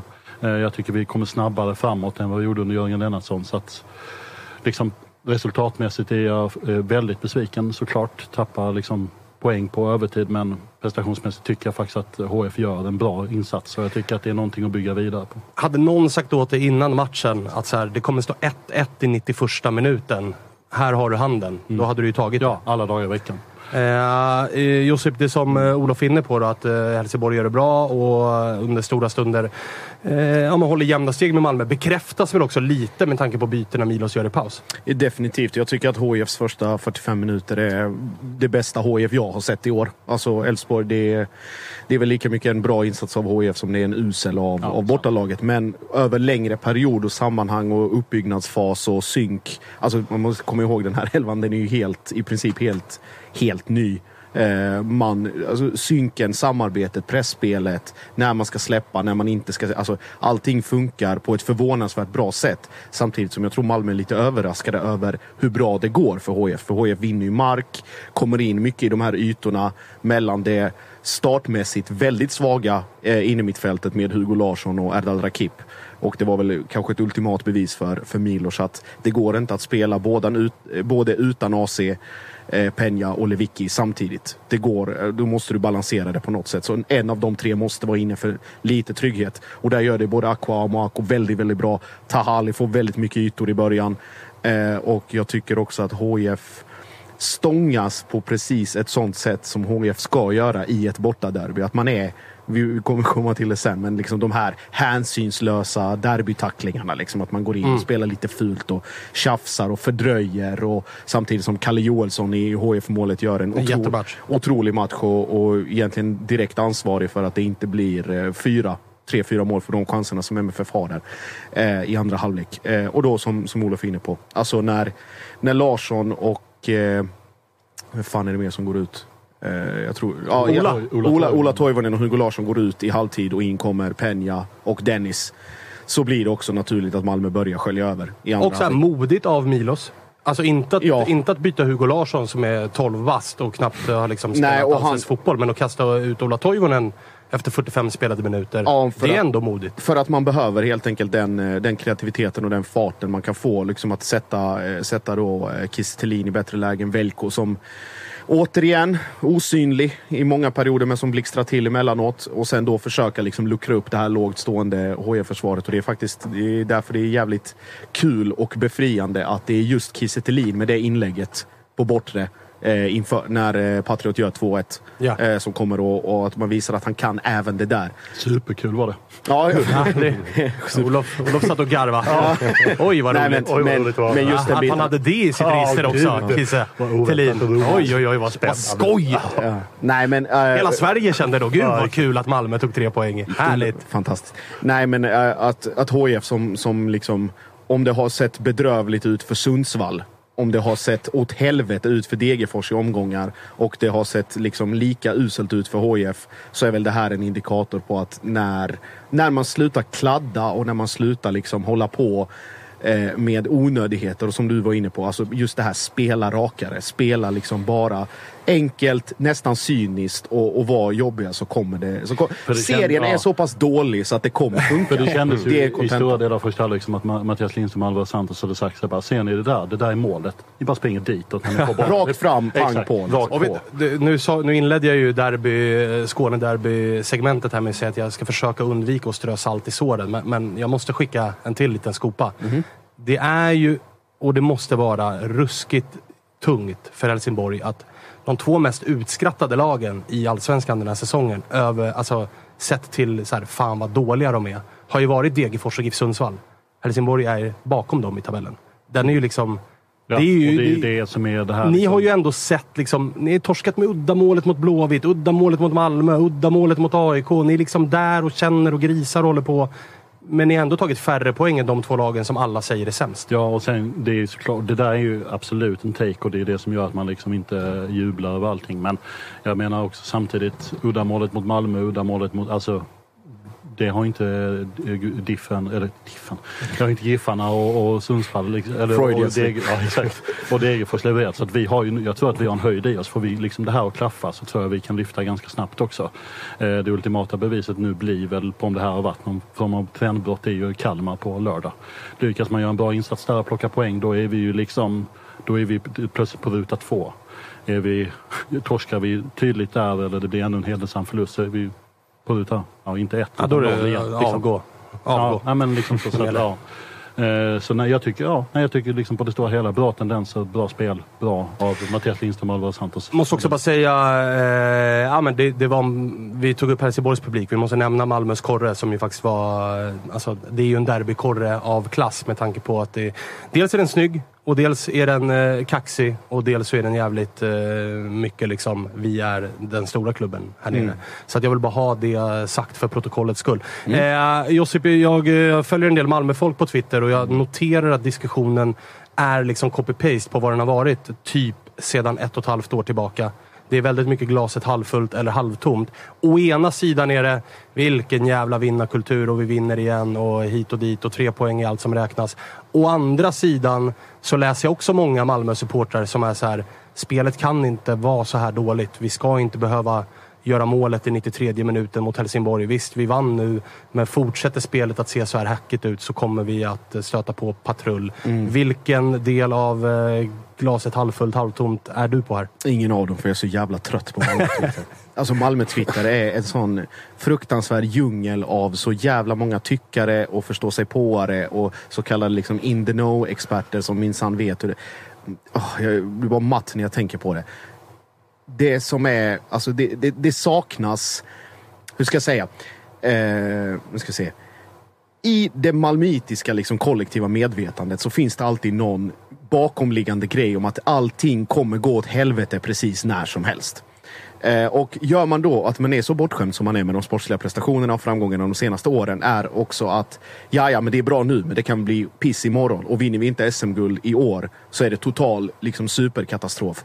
M många, av, många är kloka på Malmö-Twitter också generellt. De försöker nyansera och vara lite balanserade och så här, men den högljudda, liksom, de högljudda, the chosen few eh, har liksom en, en retorik och en, en tankebana som får en att, att verkligen överväga ja, om internet är en mänsklig rättighet eller inte. Eh, I alla fall, eh, att det, liksom det, det präglar så många människors liksom, tankebanor och analyser i det avseendet att man tänker att ja, ja, men allting måste lösas här och nu för att det blir allting uppförstoras till att vara så fruktansvärt jävligt som det är. Jag vet att du är en av Milors största kritiker och menar att det finns liksom ingen tydlig... Nej, jag säger jag är inte övertygad. Nej, inte övertygad. Det och det, det, det, finns ingen, liksom, det finns ingen spelidé. Och jag, jag är väl delvis benägen att hålla med för att det ser i perioder så jävla stumt ut. Problemet i MFF just nu är att det kommer att ske en generationsväxling tidigare än vad man tänkte från början. Och den kommer på en gång. Det vill säga alltså att nu, vad, vad pratar man om? Fem spelare in under sommaren. Eh, och det är Och det är samtidigt... väl en direkt resultat också av att Malmö budgeterade med att man skulle få 30 miljoner av Uefa. Nu fick man 80. Så att det vart ju, ja. alltså då påskyndas ju också processen för att hej, här jag. dök det upp en möjlighet. Såklart, att, såklart, men samtidigt också har man ju märkt att de ersättarna, vi har varit inne på det i perioder, eller i andra avsnitt innan. Ersättarna som, som ska liksom vara den här spetsiga bredden är det uppenbarligen inte. Åldersstrukturen är som den är. Skadebenägenheten på nyckelspelare är detsamma. Eh, det är ett spelsätt som kommer vara liksom varierande mellan 4-3-3 och 3-5-2. Och är det någonting som våra spelare klarar av sett till träningsbelastning, kvalitet och eh, generell struktur på truppen inte just nu. Och det är därför man plockar in till exempel eh, Mamadou Sibi från franska andra ligan. Man pratar om Stefan Mitrovic, supertalang från Serbien. Man pratar nu Mustafa Zeidan. Det har varit prat om Berisha. Det har varit prat om Isak Jansson. Isak Jansson. Så att uppenbarligen måste någonting hända där. Det är väl mer bara att det händer ett halvår eller ett år tidigare än vad man tänkte från början. Och det är väl där just det här, om vi går tillbaka till glaset halvfullt eller halvtomt. Det är nog en större storm i de här glasen än vad alla vill, vill liksom, eller vad det egentligen är på riktigt. Det är väl mer bara att man kan man har skaffat sig kapitalet, förutsättningarna och möjligheterna för att kunna agera om en sån här situation skulle uppstå. Det är långt ifrån optimalt, men med tanke på den ledning som finns i, i klubben och så som det har sett ut de senaste åren så kommer det att lösa sig. Det kanske innebär att man kommer tvåa i år, eller trea. Det är inte hela världen. Europaspel är budgeterat för och det kommer man med allra högsta sannolikhet att lösa. Men det är fortfarande en... Vi hade Georgsson här. Det är, alltså de, de skorna och den rocken att bära, eller de skorna att fylla den rocken att bära. Sju SM-guld på tio år, två, två CL, eller tre CL och två Europa League. Det, det. kommer komma år där det inte, allting inte klaffar 100%. Men det betyder inte heller automatiskt att allting är på väg åt helvete. Det är det inte. Slut på rant. Och det Bra rant faktiskt. Jag försöker hitta någon form av Slakten av comeback. Malmö-Twitter. Ja, det, ja det, den, där är jag i din ringa alla dagar i veckan. Eh, men, men det som jag tror att folk är, eh, eller det, så som jag uppfattar att det folk är mest kritiska mot, är ju än så länge inte liksom är Georgsson rätt man att sportchefa Malmö? Är, klubben på väg åt rätt håll? Ur den grejen. Utan det jag upplever är den starkaste kritiken är ju mot just Milos som inte får ut mer av truppen. För att jag menar, nu har man tränat, nu har det gått en månad, man har fått vila, nyckelspelare är tillbaka, truppen är nästintill full. Ja, Och- samtidigt är det inte varken ACL eller Vicky tillbaka. Nej, men det, det är två gubbar Ja, som Malmö borde kunna klara sig Ja. utan, kan nog de flesta argumentera Jäm- för. Liksom. Jämför de två med de 13 mot Djurgården. Ja, men exakt. Alltså det, det, man kan ändå ställa upp ett in i mitt fält med, med rätt bra jävla Ja. fotbollsspelare. Och eh, jag tror att många malmöiter känner att det borde lösa tre poäng mot Helsingborg på ett mer komfortabelt sätt än vad man gör. Och det ska det också göra sett till vilka chanser som kommer i andra halvlek. Vi pratar om att Kalle Joel- Kalle Joelsson står på huvudet i vissa lägen. Det är Abubakari kommer in, som för övrigt gör kanske sin bästa match i MFF sen han kom. Kommer in och skapar och gör oreda i försvaret och utnyttjar just sin fysiska styrka mot Hellmans och Videls relativa orutin i sammanhanget. Att han är han är orat, alltså irrationell och konstig och kommer till halvlägen och nickar väl ner i marken när Kalle Joelsson kniper ihop fötterna. Eh, Isak Kistelin en millimeter från att ta ner den från öppet mål. Eh, Sören, eh, Sören Rex karatesparkar från fem meter rätt i famnen. Eh, någon annan nickar. Alltså det, det, det är tillräckligt med lägen. Sen, alltså sen att det avgörs på det sättet. Under normala omständigheter och givet allting att det är derby och HIF. Med tränarbytet som ger effekt och nya liksom, spelare som vill visa upp sig. 2-1, det är, jag tar det alla dagar i veckan. Och om det avgörs på övertid, ännu bättre. Ja, alltså, för, för supporterhjärtat så det, finns det ju Ja. få saker som är bättre än att avgöra ett derby på, Mm. på tilläggstid och, och bara få sträcka upp dubbelfucken till, Ja. till motståndarna på andra sidan. Så den, eh, den, eh, där, där, är jag absolut, eh, där är absolut med dig.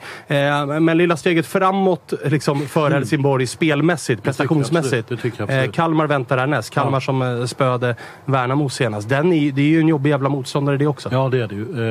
Men det är också det som gör det här till en liksom Ja, en av många blir det ju, men en avgörande match för säsongen såklart. För att ly- lyckas vi spinna vidare på det. För att jag, jag satt och funderade lite på det här. Det är klart att liksom HF-spelarna var råtaggade och eh, spelade ett vakspel och var jättebra. Men det är också lätt att göra ett derby. Det är lätt att tagga till när man åker ner till Malmö borta och har allting att vinna.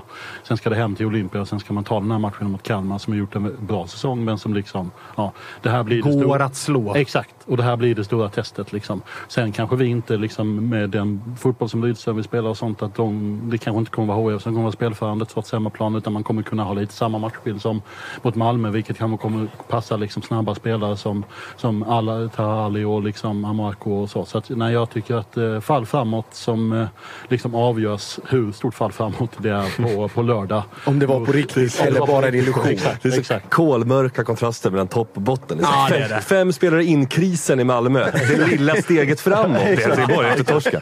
Jäklar alltså. Härlig allsvenska. Ja, Och sen måste jag bara, du var inne på det Jussi, men Kalle Joelsson, alltså han är så bra nu så att det är något helt sjukt. Och den här säsongen han har bakom sig, fine han har missat några matcher, men de prestationer han gör mot Djurgården borta mot Malmö här, alltså. Nu, jag håller ju honom nu som typ bäst i Allsvenskan just nu formmässigt. Alltså han är helt, alltså han räddar ju från att bli, vad är det? Det skulle ha blivit 4-5-1 med liksom en normal målvaktsprestation såklart. Alltså han är så bra nu så att det är... Sen har han ju att göra också. Ja, jo, Det är- såklart. såklart. Finns- Men det är, finns- inte, finns rädda. det är liksom inte, det är inte en match han gör bra utan han har gjort de här Ah, prestationerna nej, han har varit, gånger, så att han är har varit bra. är Och den segern ni har tagit mot Elfsborg är det ju en straffräddning på Exakt. kontot också. Så att jag Exakt, menar, han har varit att bidragande. Han är ruggigt bra. Nu är han ju uttalad första målvakt sa ju Alvaro Santos efter, Exakt. efter matchen. Eh, För det har ju varit lite snack om det här med Anders Lindegren. Alvaro. Santos start mot Kalmar. Med den Ja, bolltouchen. Alltså, den bolltouchen. Alltså, säga vad man vill, den är ju löjligt fin. alltså, jag, jag säger det absolut den bara kom, han bara plockade säger ner absolut som inte emot. Eh, hörru, Kalmar är det som väntar. De spöade Värnamo med 1-0. Vi ska ringa Axel. Lindahl i, och kolla hur, om det var någon derbykaraktär på Guldfågeln Arena där Axel Lindahl startade, höll nollan. Blev visserligen utbytt, kanske sprang sig trött då, men, men eh, får se vad han eh, själv har att säga. Kalmar som ju hakar på där uppe nu. Eh, Axel, hur är läget?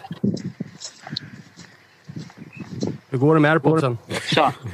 Är du med oss nu? Jag är med. Nu. Det är bar Uber nästan. Är det så man jobbar efter, efter derbyseger? Ja, exakt. Och precis på mig tröjan nu faktiskt. Ja, det är bra Vi är, på, vi, är på, vi är på stranden här. Ja, det är klart att ni är det. Eh, du, vi har lite, lite derbyavsnitt här. Man får väl ändå kalla er match mot Värnamo för Smålandsderby, eller? Ja, det är klart. Var det derbystämning på Guldfågeln? Nej, men det var, jag tyckte det var, liksom, var, bra stämning på alla matcher nu som vi spelat. Så, men eh, det, var, det var god stämning, helt klart. Eh, matchen var ju så här, eh, det, det var ju såklart eh, Skånederbyt som snodde det mesta utav rampljuset i, i måndags eh, med tanke på eh, allt vad det innebär. Men eran seger mot Värnamo gör ju att ni faktiskt smyger med lite där uppe nu. Hur, hur är känslan i laget? Nej, men känslan är bra. Eh, det hände inte så mycket i tabellen, men eh, vi vet ju liksom att, eh, att vi är med. Eh, sen är det liksom fortfarande tidigt i säsongen, men eh, vi vet ju våran, våran nivå. Eh, och vi har varit bra mot många bra lag och många bra prestationer. Så nu gäller det bara att fortsätta och se hur långt det tar oss. Eh, det händer ju grejer också. Ni har, eh, du var ju inte med då, men ni har eh, agerat lite grann på transfermarknaden. Har eh, Diouf kommit in i träningen nu? Och hur ser han ut i så fall? Ja, men han har varit med och tränat. Han var med oss i, i Österrike också på träningsläget. Eh, eh, så han har varit med och börjat hitta formen. Så han ser fin ut.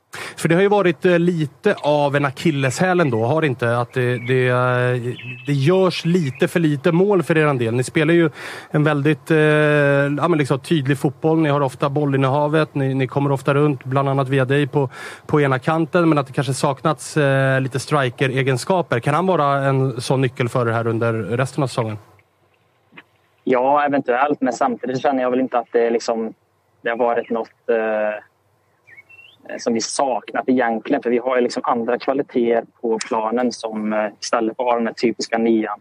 Eh, och jag tycker vi har, vi har skapat många målchanser och vi har fått många bra, våra bra spelare i bra positioner. Eh, så jag känner väl inte att det är något superbehov, men det är klart att han kommer komma in med lite nya egenskaper. Eh, Så det ska bli spännande att se hur han, hur han, eh, hur han ser ut i match. Jag har faktiskt inte sett honom spela så mycket. Eh, ni har ju blivit av med Douglas Bergqvist också. Hur eh, stort tapp skulle du säga att det är för er? Men vi får se. Eh, Vi har bara spelat en match nu och då kan man inte se- någon större skillnad. Det tycker jag inte. Både Sjöstedt och Lars som spelar nu är ju fantastiska. Eh, Så eh, vi får, vi får se vad, hur det ser ut framöver. Men än så länge känns det, känns det, känns det bra. Eh, Helsingborg borta här då, som väntar i eh, nästa match på lördag. Vi har eh, Olof här i studion som håller på eh, Helsingborg som känner att det är lite av en sån här, ja, men lite måste-match för, för Helsingborg. Eh, hur skulle du säga, vad är skillnaden på att möta lag som är liksom, högt upp i tabellen och kanske lite mer självförtroende jämfört med att möta eh, lagen som är ja, men som Helsingborg då, som är absolut sist och kanske lite mer desperata? Ja, exakt. Eh, det är klart, det blir lite annorlunda. Det blir liksom, de spelar lite med kniven mot strupen och eh, en, eh, de har väl en, kanske en desperation som gör att de kommer kanske kämpa hårdare än, lite hårdare än andra lag. Så vi får se. Men vi har, jag tycker liksom vi har varit väldigt bra mot framförallt de här topplagen i de matcherna. Så nu blir det liksom lite en, lite test för oss också här nu när vi går in i en period där vi mötte ja, Värnamo här senast och sen nu Helsingborg. Hur vi tar oss an det. Det ska bli, eh, bli spännande att se. Eh, Axel, jag tänkte på er lite ovana målskytt. Nu kanske han nu börjar bli lite, lite vana mot Djurgården nu och sen mot Värnamo igår. Det Lars Säter har alltså gjort för, för protokollets skull eh, sammanlagt fram till den här säsongen två mål i allsvenskan någonsin.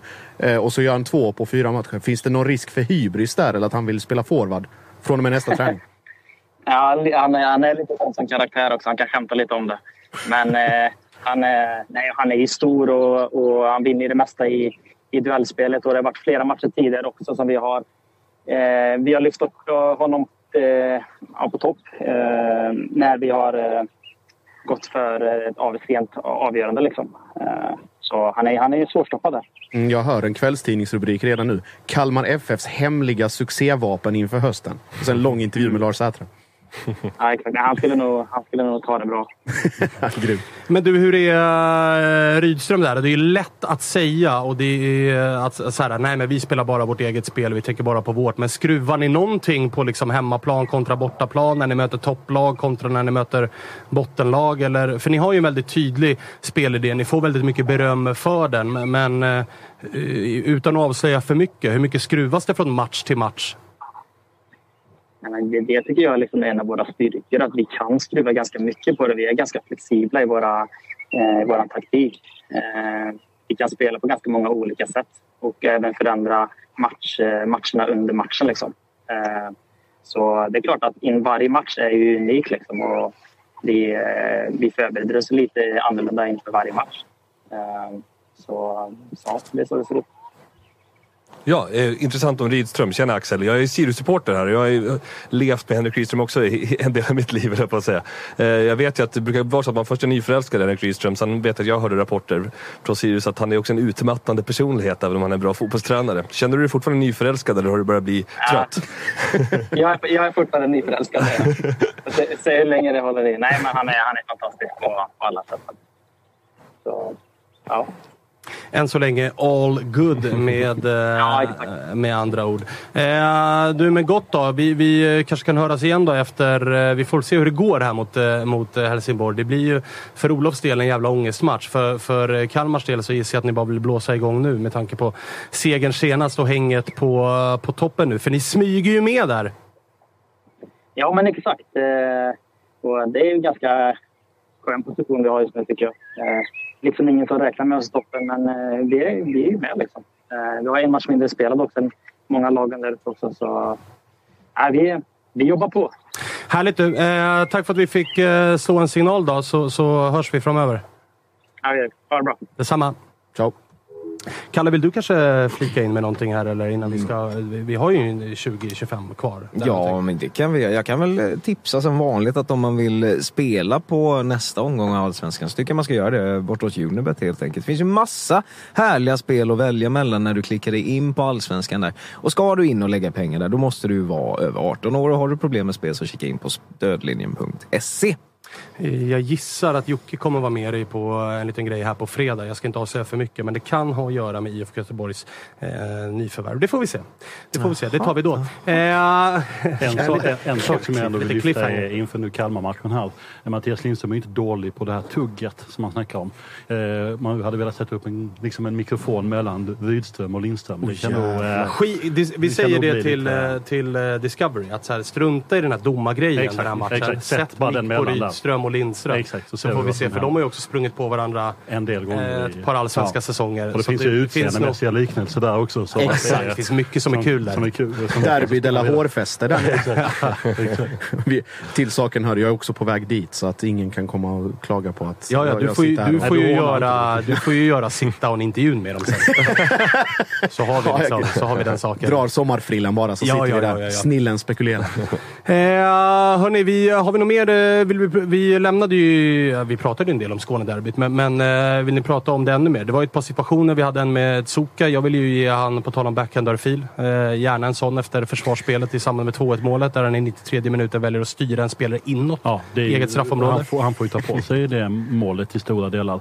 Eh, tacklingarna är väl inte så mycket att säga om egentligen. Eller? Eh, som en småsport. Jag gillar ju att det smäller i derbyn. Jag gillar... Eh, sen kan man ju säga så här, ja regelboksmässigt så är det klart att det är rött kort på Zuka jag kan tycka att det är gött att Glenn Nyberg inte tar upp det röda där utan att man liksom låter det smälla på.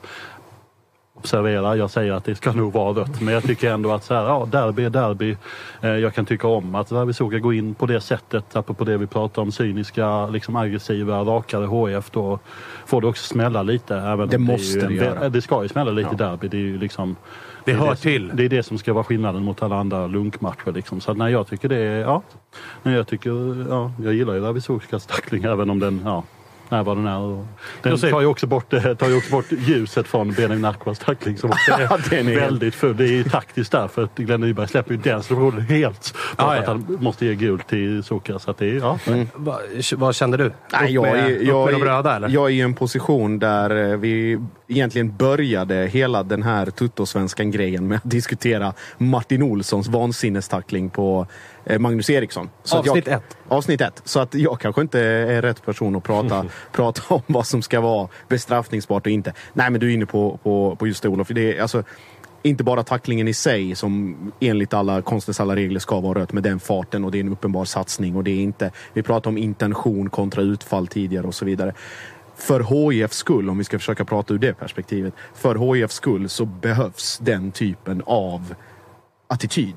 Nu menar inte jag att Suka ska gå in och toksatsa och sätta dobbar i låret i, i varje match. Men den typen av tacklingar, var lite småful, var grinig, tjafsa lite. Liksom, försök och, och, alltså, Vi pratar om att det är, det är världens bästa grej för att väcka laget till liv. Att sätta en onödig tackling, få lite tjafs, få lite taktiska instruktioner och sen gå vidare. Alltså HIF, HIF måste Ja, göra den var, typen var av grejer. cynisk. Jag menar nu ligger vi sist. Jag menar enda vägen är uppåt nu. Så att gör man det här och liksom vågar satsa lite och köra lite då tror jag liksom det, jag tror det ändå är ett vinnande koncept. Mm. Och det, var, det, var, det gjorde mig lugn och trygg och glad faktiskt att se att det var just Glenn Nyberg som skulle döma den matchen. Det är toppen mot botten. Du vill inte ha Kristoffer Karlsson?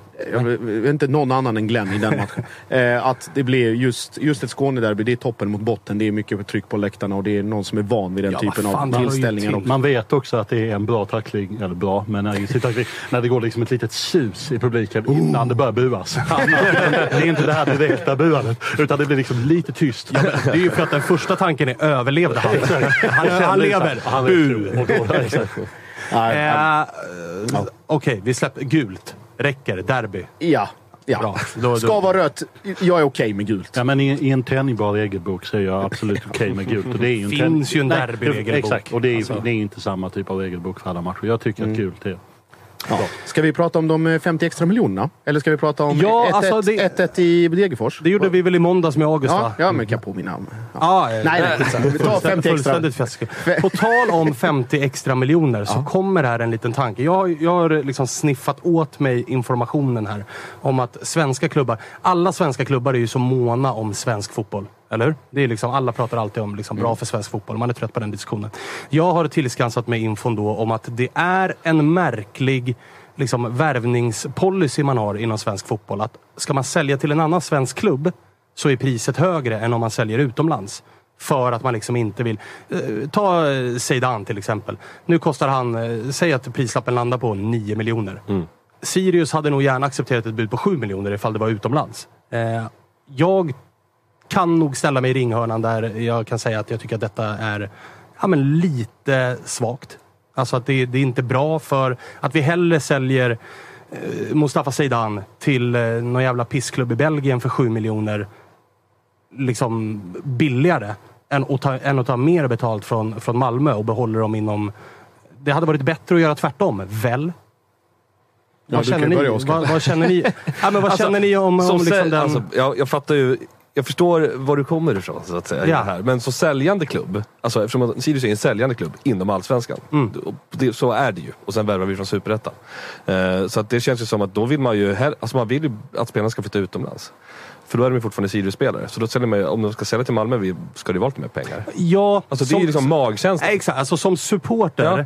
är jag helt med på Ja, den. men det är klart om, att man, är om man tar av sig supporterhatten Ja. så, så är det ju inte bra för Sverige. Det är inte bra för allsvenskan. Nej, för Allsvenskan är det inte bra om inte talangerna stannar i, i, i serien. Eller hur? Nej, det, det så är absolut. inte det märkligt utav... Ja, det är, liksom, skit, ja, det är konstigt. Men För du- att det, det resonemanget, från, om man ska klä på sig någon sportchefs eh, keps här. Mm. Det blir ju att, ja, ja, men det ska inte vara a selected few som dränerar ligan på liksom kvalitet. Och så får de ha någon sån här intern liga där det skiktas ännu mer i allsvenskan. Men rent krasst så är den nivån vi har i allsvenskan, det är den vi har. Och jag läste bara här nu, jag kan ta som, som referens eh, det här med Malmö och vinnarkultur och representera Europa. Så är det Uefa-ranken eh, som gör alla de här eh, Ja. koefficienterna och sidningstabellerna. Skriver alltså, räknar man bara bort MFFs poäng från gruppspelet som gett Sverige 5,0 på er- den här koefficienten i ligan. Och då pratar vi alltså gruppspelen 18, 19, 21 i CL som Malmö har haft. Ja. Så hade Sverige varit nere på 30 plats när den här säsongen startar. 25 efter förra för referens. Och det säger också precis allting om hur jävla rutten den här serien som vi älskar så mycket men är. Jag vill också bara till den tesen säga Ja. att då tar man alltså bort den svenska mästaren. Alltså någon annan Ja. hade ju varit mästare. Ja, ja. Och kanske då kunnat... Är du Gå- med? Ja.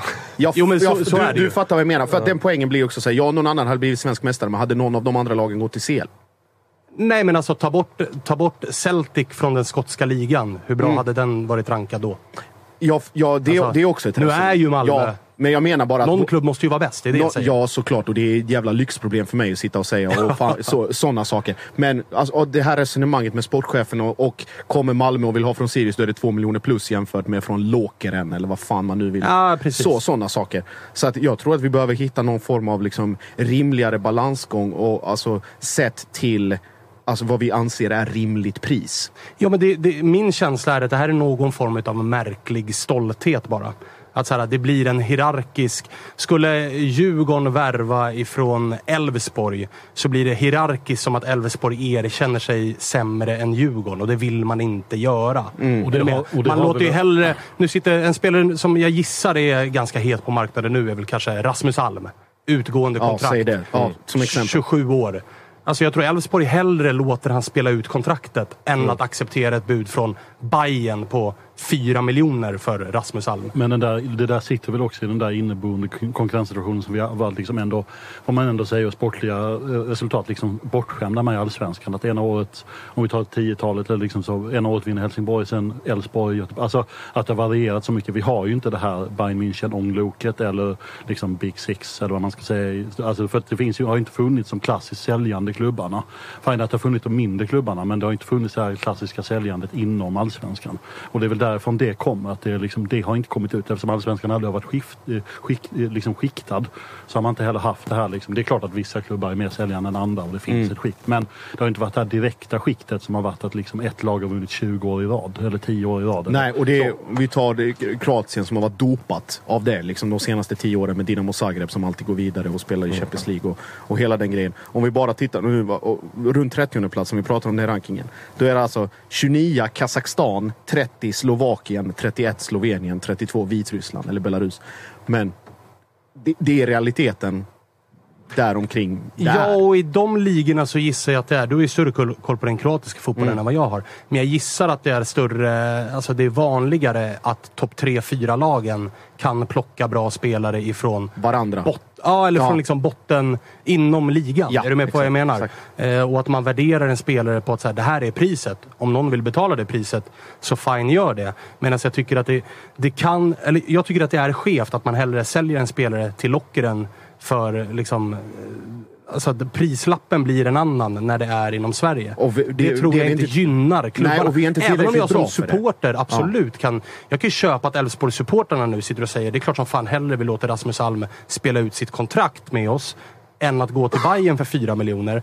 Men jag tror att det sitter en styrelse i Elfsborg och tänker att det är väl klart som fan vi ska ta 4 miljoner ifall vi kan för Rasmus Alm hellre än att släppa honom gratis om ett halvår. På lång sikt kommer det här att gynna klubben Visst, snarare för- att alltså, ta betalt. Liksom. Från supportroll blir det ju lätt att så, håller man på ett litet lag så vill vill man liksom hålla fast i de få spelare man eventuellt kan claima som sina egna. Ja. Innan liksom någon aik Mm. får veta att någon gick på en match på Råsen när de var fyra och sen bara, ah, det är kört. Nu är det aik Det är över. Ja, exakt. Det är över. Det är inte alls Sirius-spelare längre, det är AIK-spelare. Ja, tråkigt. Så det, är alltså, det är ett enkelt perspektiv för supportrar att ha. Men ja, det och det finns ju hjärtat som Ja, alltid är. Liksom. visst, Man vill ha sina visst. gubbar och hit Ja. och dit. Men, men ska man tänka större och längre så Ja. bör ju alltså, svenska klubbar generellt bör bli bättre på att faktiskt liksom, sälja när man kan. Snarare än att bara eh, vaska spel. En annan spelare är ju Tashrik Matthews som nu sitter på utgående kontrakt han, han också. Där Varberg ju, alltså nu, han, nu spelar han ju inte ens i Varberg. Men jag menar, där borde det ju finnas intresse. Vi såg ju vad han gjorde förra året i Allsvenskan. Där verkar det också finnas någon form av stolthet. Att man, man inte vill acceptera en prislapp. Men, alltså, Zidane är ett bra exempel där det inte spelar så jäkla stor roll. Alltså, Zidane är liksom Helsingborgs produkt. Han har varit i Frej, han har varit i Jönköping, han var i Sirius, nu går han till Malmö. Ja. Då bryr jag mig inte så jäkla mycket om han går till Malmö eller om han går till Rosenborg eller går till eh, Klubb Brygge. Nej, och Malmö, och Malmö är ju också den klubben kanske utav, alltså det, finns väl Stockholmsklubbar som är på väg åt det hållet. Ja. Men där, and, alltså Zidane är nog en spelare som också känner att så här, Malmö är ett bra steg för mig Visst. att gå. En spelare som idag är i Elfsborg kanske känner att jag behöver inte ta steget till Malmö eller en Stockholmsklubb för att sen studsa vidare ut i Europa. De Mm. känner nog att de kan göra det därifrån. Jo. Vilket ju också kanske blir skevt. Men jag ville bara belysa att Ja. det är märkligt att, att man, Ja, att man med. gör den, eh, den värderingen. Att, att Ja. man inte vill sälja till en annan svensk klubb. Jag- jag och ska man göra det, då är prislappen högre än om man ska sälja utomlands. Och jag tycker det är en jätteintressant tanke. Sen tror jag också man får tänka sig att allsvenskan har ju aldrig varit slutmålet för spelare heller. Exakt. Det tycker jag man också får ta med i beräkningen. Jag, fa- jag är helt med på din tanke men att Malmö skulle, nu köper Zidane. Eh, jag vet inte om Zidane ser Malmö som liksom slutmålet. Alltså, det är alltid, alltså anledningen till att jag tror att spelare har gått till typ Lockren är för att säga okej Belgien studsar vi, sen studsar vi vidare till nästa steg. så. Mm. Att allsvenskan har ju aldrig varit liksom slutmålet. Allsvenskan har ju aldrig varit det som Holland var, det som Belgien Exakt. är kanske. Eller liksom lite Mm. belgiska Och det- och så. Liksom att man har Ja. studsat vidare från allsvenskan. Liksom mellanstationen är inte ett större allsvenskt lag utan mellanstationen är en holländsk mittenklubb. Eller PSV Och eller då, Ajax. Eller precis, och på sikt då om vi har en, en topp tre, säg i, i Sverige som kontinuerligt nu med, med Conference League som, som exempel. Att vi har tre klubbar som kontinuerligt i alla fall är med Europa League, Conference League. Då kommer de här förhoppningsvis liksom up and coming spelarna, det behöver inte vara i, i direkta konkurrenter uppe i toppen, men det kan vara från region 9, 10, 11 se de här toppklubbarna som naturliga mellansteg. Och då tror jag att det blir fler affärer mellan internt i, i allsvenskan. Att då kanske man eh, tänker att ja, men du spelar jag i Elfsborg och så är nästa station Heerenveen. Men då kanske jag går till, säg att jag går till AIK, då blir nästa station fan vet jag, PSV eller liksom ytterligare ett hack upp i den här studsmattan som är då. Men det, det innebär ju också att vi behöver ta oss ut i Europa, att vi behöver ha lag som händer kontinuerligt, att ligarankingen ökar och att liksom saker rullar på av sig själva lite grann. Så att det är väl, det är väl något bortre mål som finns. Fan vet jag, jag vet inte. Jag spekulerar. Nej, jag, ty- ja, och jag tycker att den är, jag tycker att den är eh, svår. Och alltså, jag tycker att den också är aningen skev. Alltså, nu vet jag inte hur Sirius har, men, men Zeidan blir ju ett bra exempel här. Men, men det låter ju märkligt att man sitter som... Alltså, det är ju inte supporterna som tar beslutet vilka spelare man köper och vilka spelare man säljer och när och vilka priser man accepterar. Men utifrån som icke Sirius-supporter och framförallt som, ska man tänka affärsmässigt, så låter det ju helt hjärndött att säga eh, vi accepterar Malmös bud på nio. Men vi ser hellre att du går till Lockeren för fem. Mm. Alltså de är så här, ska vi sälja spelaren då kan vi väl lika gärna ta så jävla mycket pengar vi kan för honom. Jo, visst. Eh, och, och, Absolut. är det är märklig, eh, märklig grej som jag tror kommer att förändras. Ja, exakt. Och ur den synvinkeln är liksom stödjer jag ditt resonemang för helt och hållet. Liksom, mer pengar på banken gör ju att klubben själv kan etablera sig på ett annat sätt eller ta nästa steg eller så. Men jag tror absolut, som du är inne på nu, det är en, det är en framtidsspaning att vi är på väg dit. Vi är på väg mot en allt mer skiktad eh, allsvenska. Liksom. Som är- eventuellt då bör, ku- bör innebära att vi kommer se fler affärer inom serien. Exakt. Som inte bara är bossman eller oönskade spelare. För det är ju så det har varit Exakt, beroende på om det här hittills. som Josef pratar om sker nu att två, tre, fyra, fem klubbar börjar kontinuerligt vara i Europa. För då får vi verkligen en skickning. Då kommer de ju, kunna, då kommer de ju vara nästa hylla istället för att allsvenskan är samma hylla eller vad man ska säga. Ja, eh, härligt. Eh, 15.30 då lägger vi av. Men då ska Malmö presentera den här Mam- Mamma League-spelaren. de, Mamma de Sibi. Jag måste... Jag måste Mamma Dosibi. Mamma de. Mamma de. Mamma de Sibi. Sibi. Eh, och, eh, Vad är det för gubbe? Ja, det är tydligen enligt... Position, ålder? Eh, Vad har vi att jobba med här? 25 tror jag. Eh, han har gjort 25 matcher i, i franska andra ligan. Spelade för Paris FC. Eh, för, utlånad från Strasbourg. Ett eh, fysiskt praktexemplar, stor som ett hus. Eh, beskrivs av vissa som box-till-box-spelare. Eh, som andra... Så central Ja, av ish. andra som mer av en sexa. Eh, Ah, okej. eh, Men av franska medier som, som en box-till-box. Så det här det blev den här gubben snarare än han med det otroligt svåra namnet. Sashas delar. Det är vi väldigt glada för. Alla Det- kommentatorer på ja, Discovery så andas det, det, Där tackar Nej, vi. Så där, här måste jag faktiskt ge MFFs kommunikationsavdelning. Det var någon som kom på, någon, eh, på något annat klipp där det var typ så här följ med bakom kulisserna i Skånederbyt skrev presentera Sibi. Och så tog Malmö citattweetaren och skrev OK funkade om en kvart vid kvart över tre. Ja, men också alltså, all cred till Malmö också som respekterar Toto-svenskans tider. Alltså, de Ja, vet om ja. att vi slutar 15.30. Då lägger man presentationen i slutet av det så kan folk bara liksom, switcha Mm. Över, över. ja. Man lägger den inte samtidigt såklart. Det hade ju varit dumt av Malmö eftersom alla kollar ju på det här nu. Precis. Så att det är väldigt, eh, väldigt smart och respektfullt gjort Ja, utav dem. och eh, vill lägga till, jag såg i, jag har noterat i chatten att eh, det finns vissa frågor om mitt eh, påstående kring en viss klausul eh, och en viss spelare. Eh, Berätta mer. Ja, det var ju Bilal Hussein eh, i AIK som eh, då, enligt den info jag har, ska vara, ha en klausul på 8, åt- cirka 8,5 miljoner kronor Just för att det. köpas ut. Eh, jag kan säga som så här, jag är trygg i den infon för chatten. Eh, jag är trygg i den infon, jag är trygg och eh, litar på de källor som jag har i det här ärendet. Eh, och sen så kommer, eh, så kommer det såklart att visa sig i AIKs eh, redovisning. Eh, och de exakta siffrorna Kanske inte i kronan kommer vi inte behöva veta, men det kommer väl synas exakt hur mycket det blev och vad det blev i de sammanhangen. Vad säger Då- chatten nu? Ge mig, ge mig det! Nej, jag I bara... sådana fall så säger jag bara sanslöst mäktigt move av AIK att säga nej till 15 när klausulen är 8,5. Det är, det är ett spänna muskler Jag move. tänkte också, jag tänkte så här- Fast pris 8,5. Vi säger nej till det dubbla. Jag tänker väl så här, det är väl bara att sälja till Malmö så får man 10,5 istället. Ja, exakt. Den inhemska klausulen. Ja, så Den är så 40. är det i alla fall. Den är 40. Ja, Ja, exakt. från mitt håll. Sen Ja, får vi, se. Vi får se. Vi får se. Ja. Vi får se helt enkelt. Eh, hörni, vi eh, värmer upp lite grann då inför... Vi ska prata upp matcher. Det gör vi på, på eh, fredag. Vi får se vilka som dyker upp här då. Jocke kommer ju eh, i Mm. vanlig jävla fredagsordning. Det är det jag sitter och skrattar åt, att jag ser att... Att han är eh, tillbaka? Nej, men att kontot BB-podd är inne och härjar i chatten här nu. Så att, eh, Ah, okej. Han är där. Ja. Okej, Otroligt. Ja, såklart han är. Han kan inte hålla sig borta. Han hävdar då inte att- ens när han är borta kan han Nej. hålla sig borta. CB 27. Ska jag- Ja, han hävdar också att Sibi är eh, Suleiman Abdullahi på, från Wish i chatten här. Så att det är väl, ja. Det är en jävla häst han sätter sig på nu.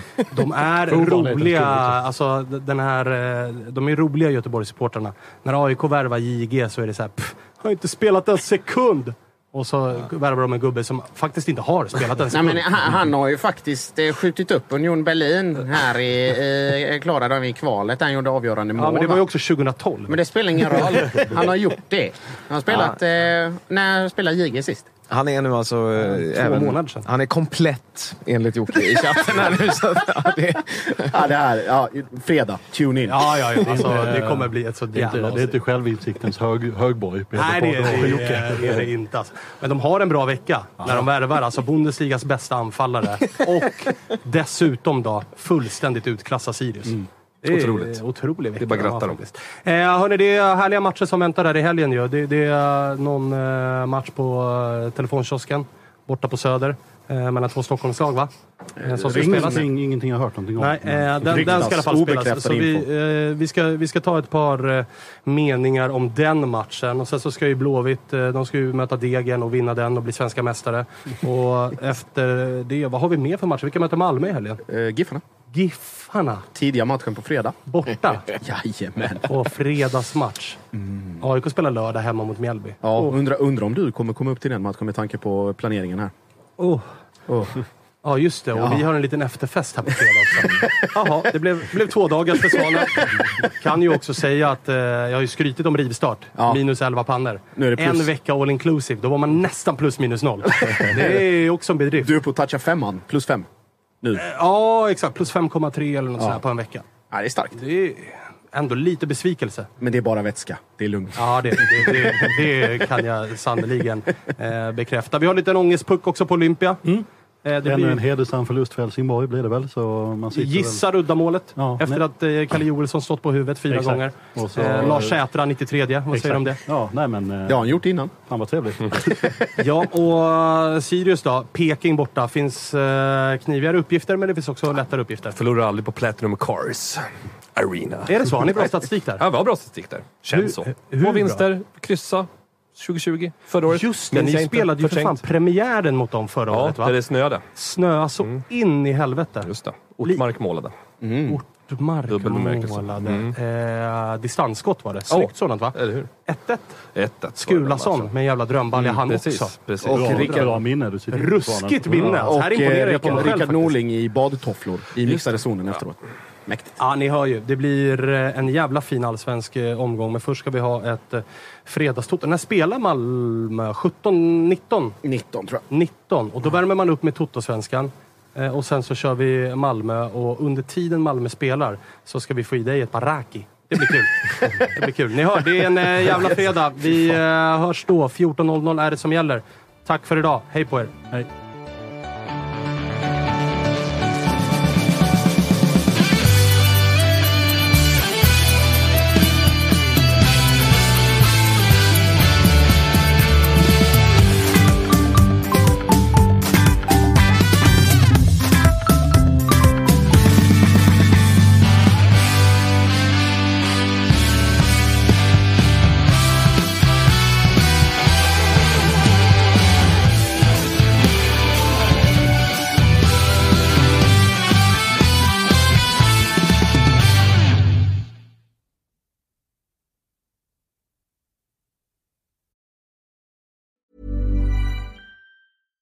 Mom deserves the best, and there's no better place to shop for Mother's Day than Whole Foods Market. They're your destination for unbeatable savings, from premium gifts to show-stopping flowers and irresistible desserts. Start by saving 33% with Prime on all body care and candles. Then get a 15-stem bunch of tulips for just $9.99 each with Prime. Round out Mom's menu with festive rosé, irresistible berry chantilly cake, and more special treats. Come celebrate Mother's Day at Whole Foods Market.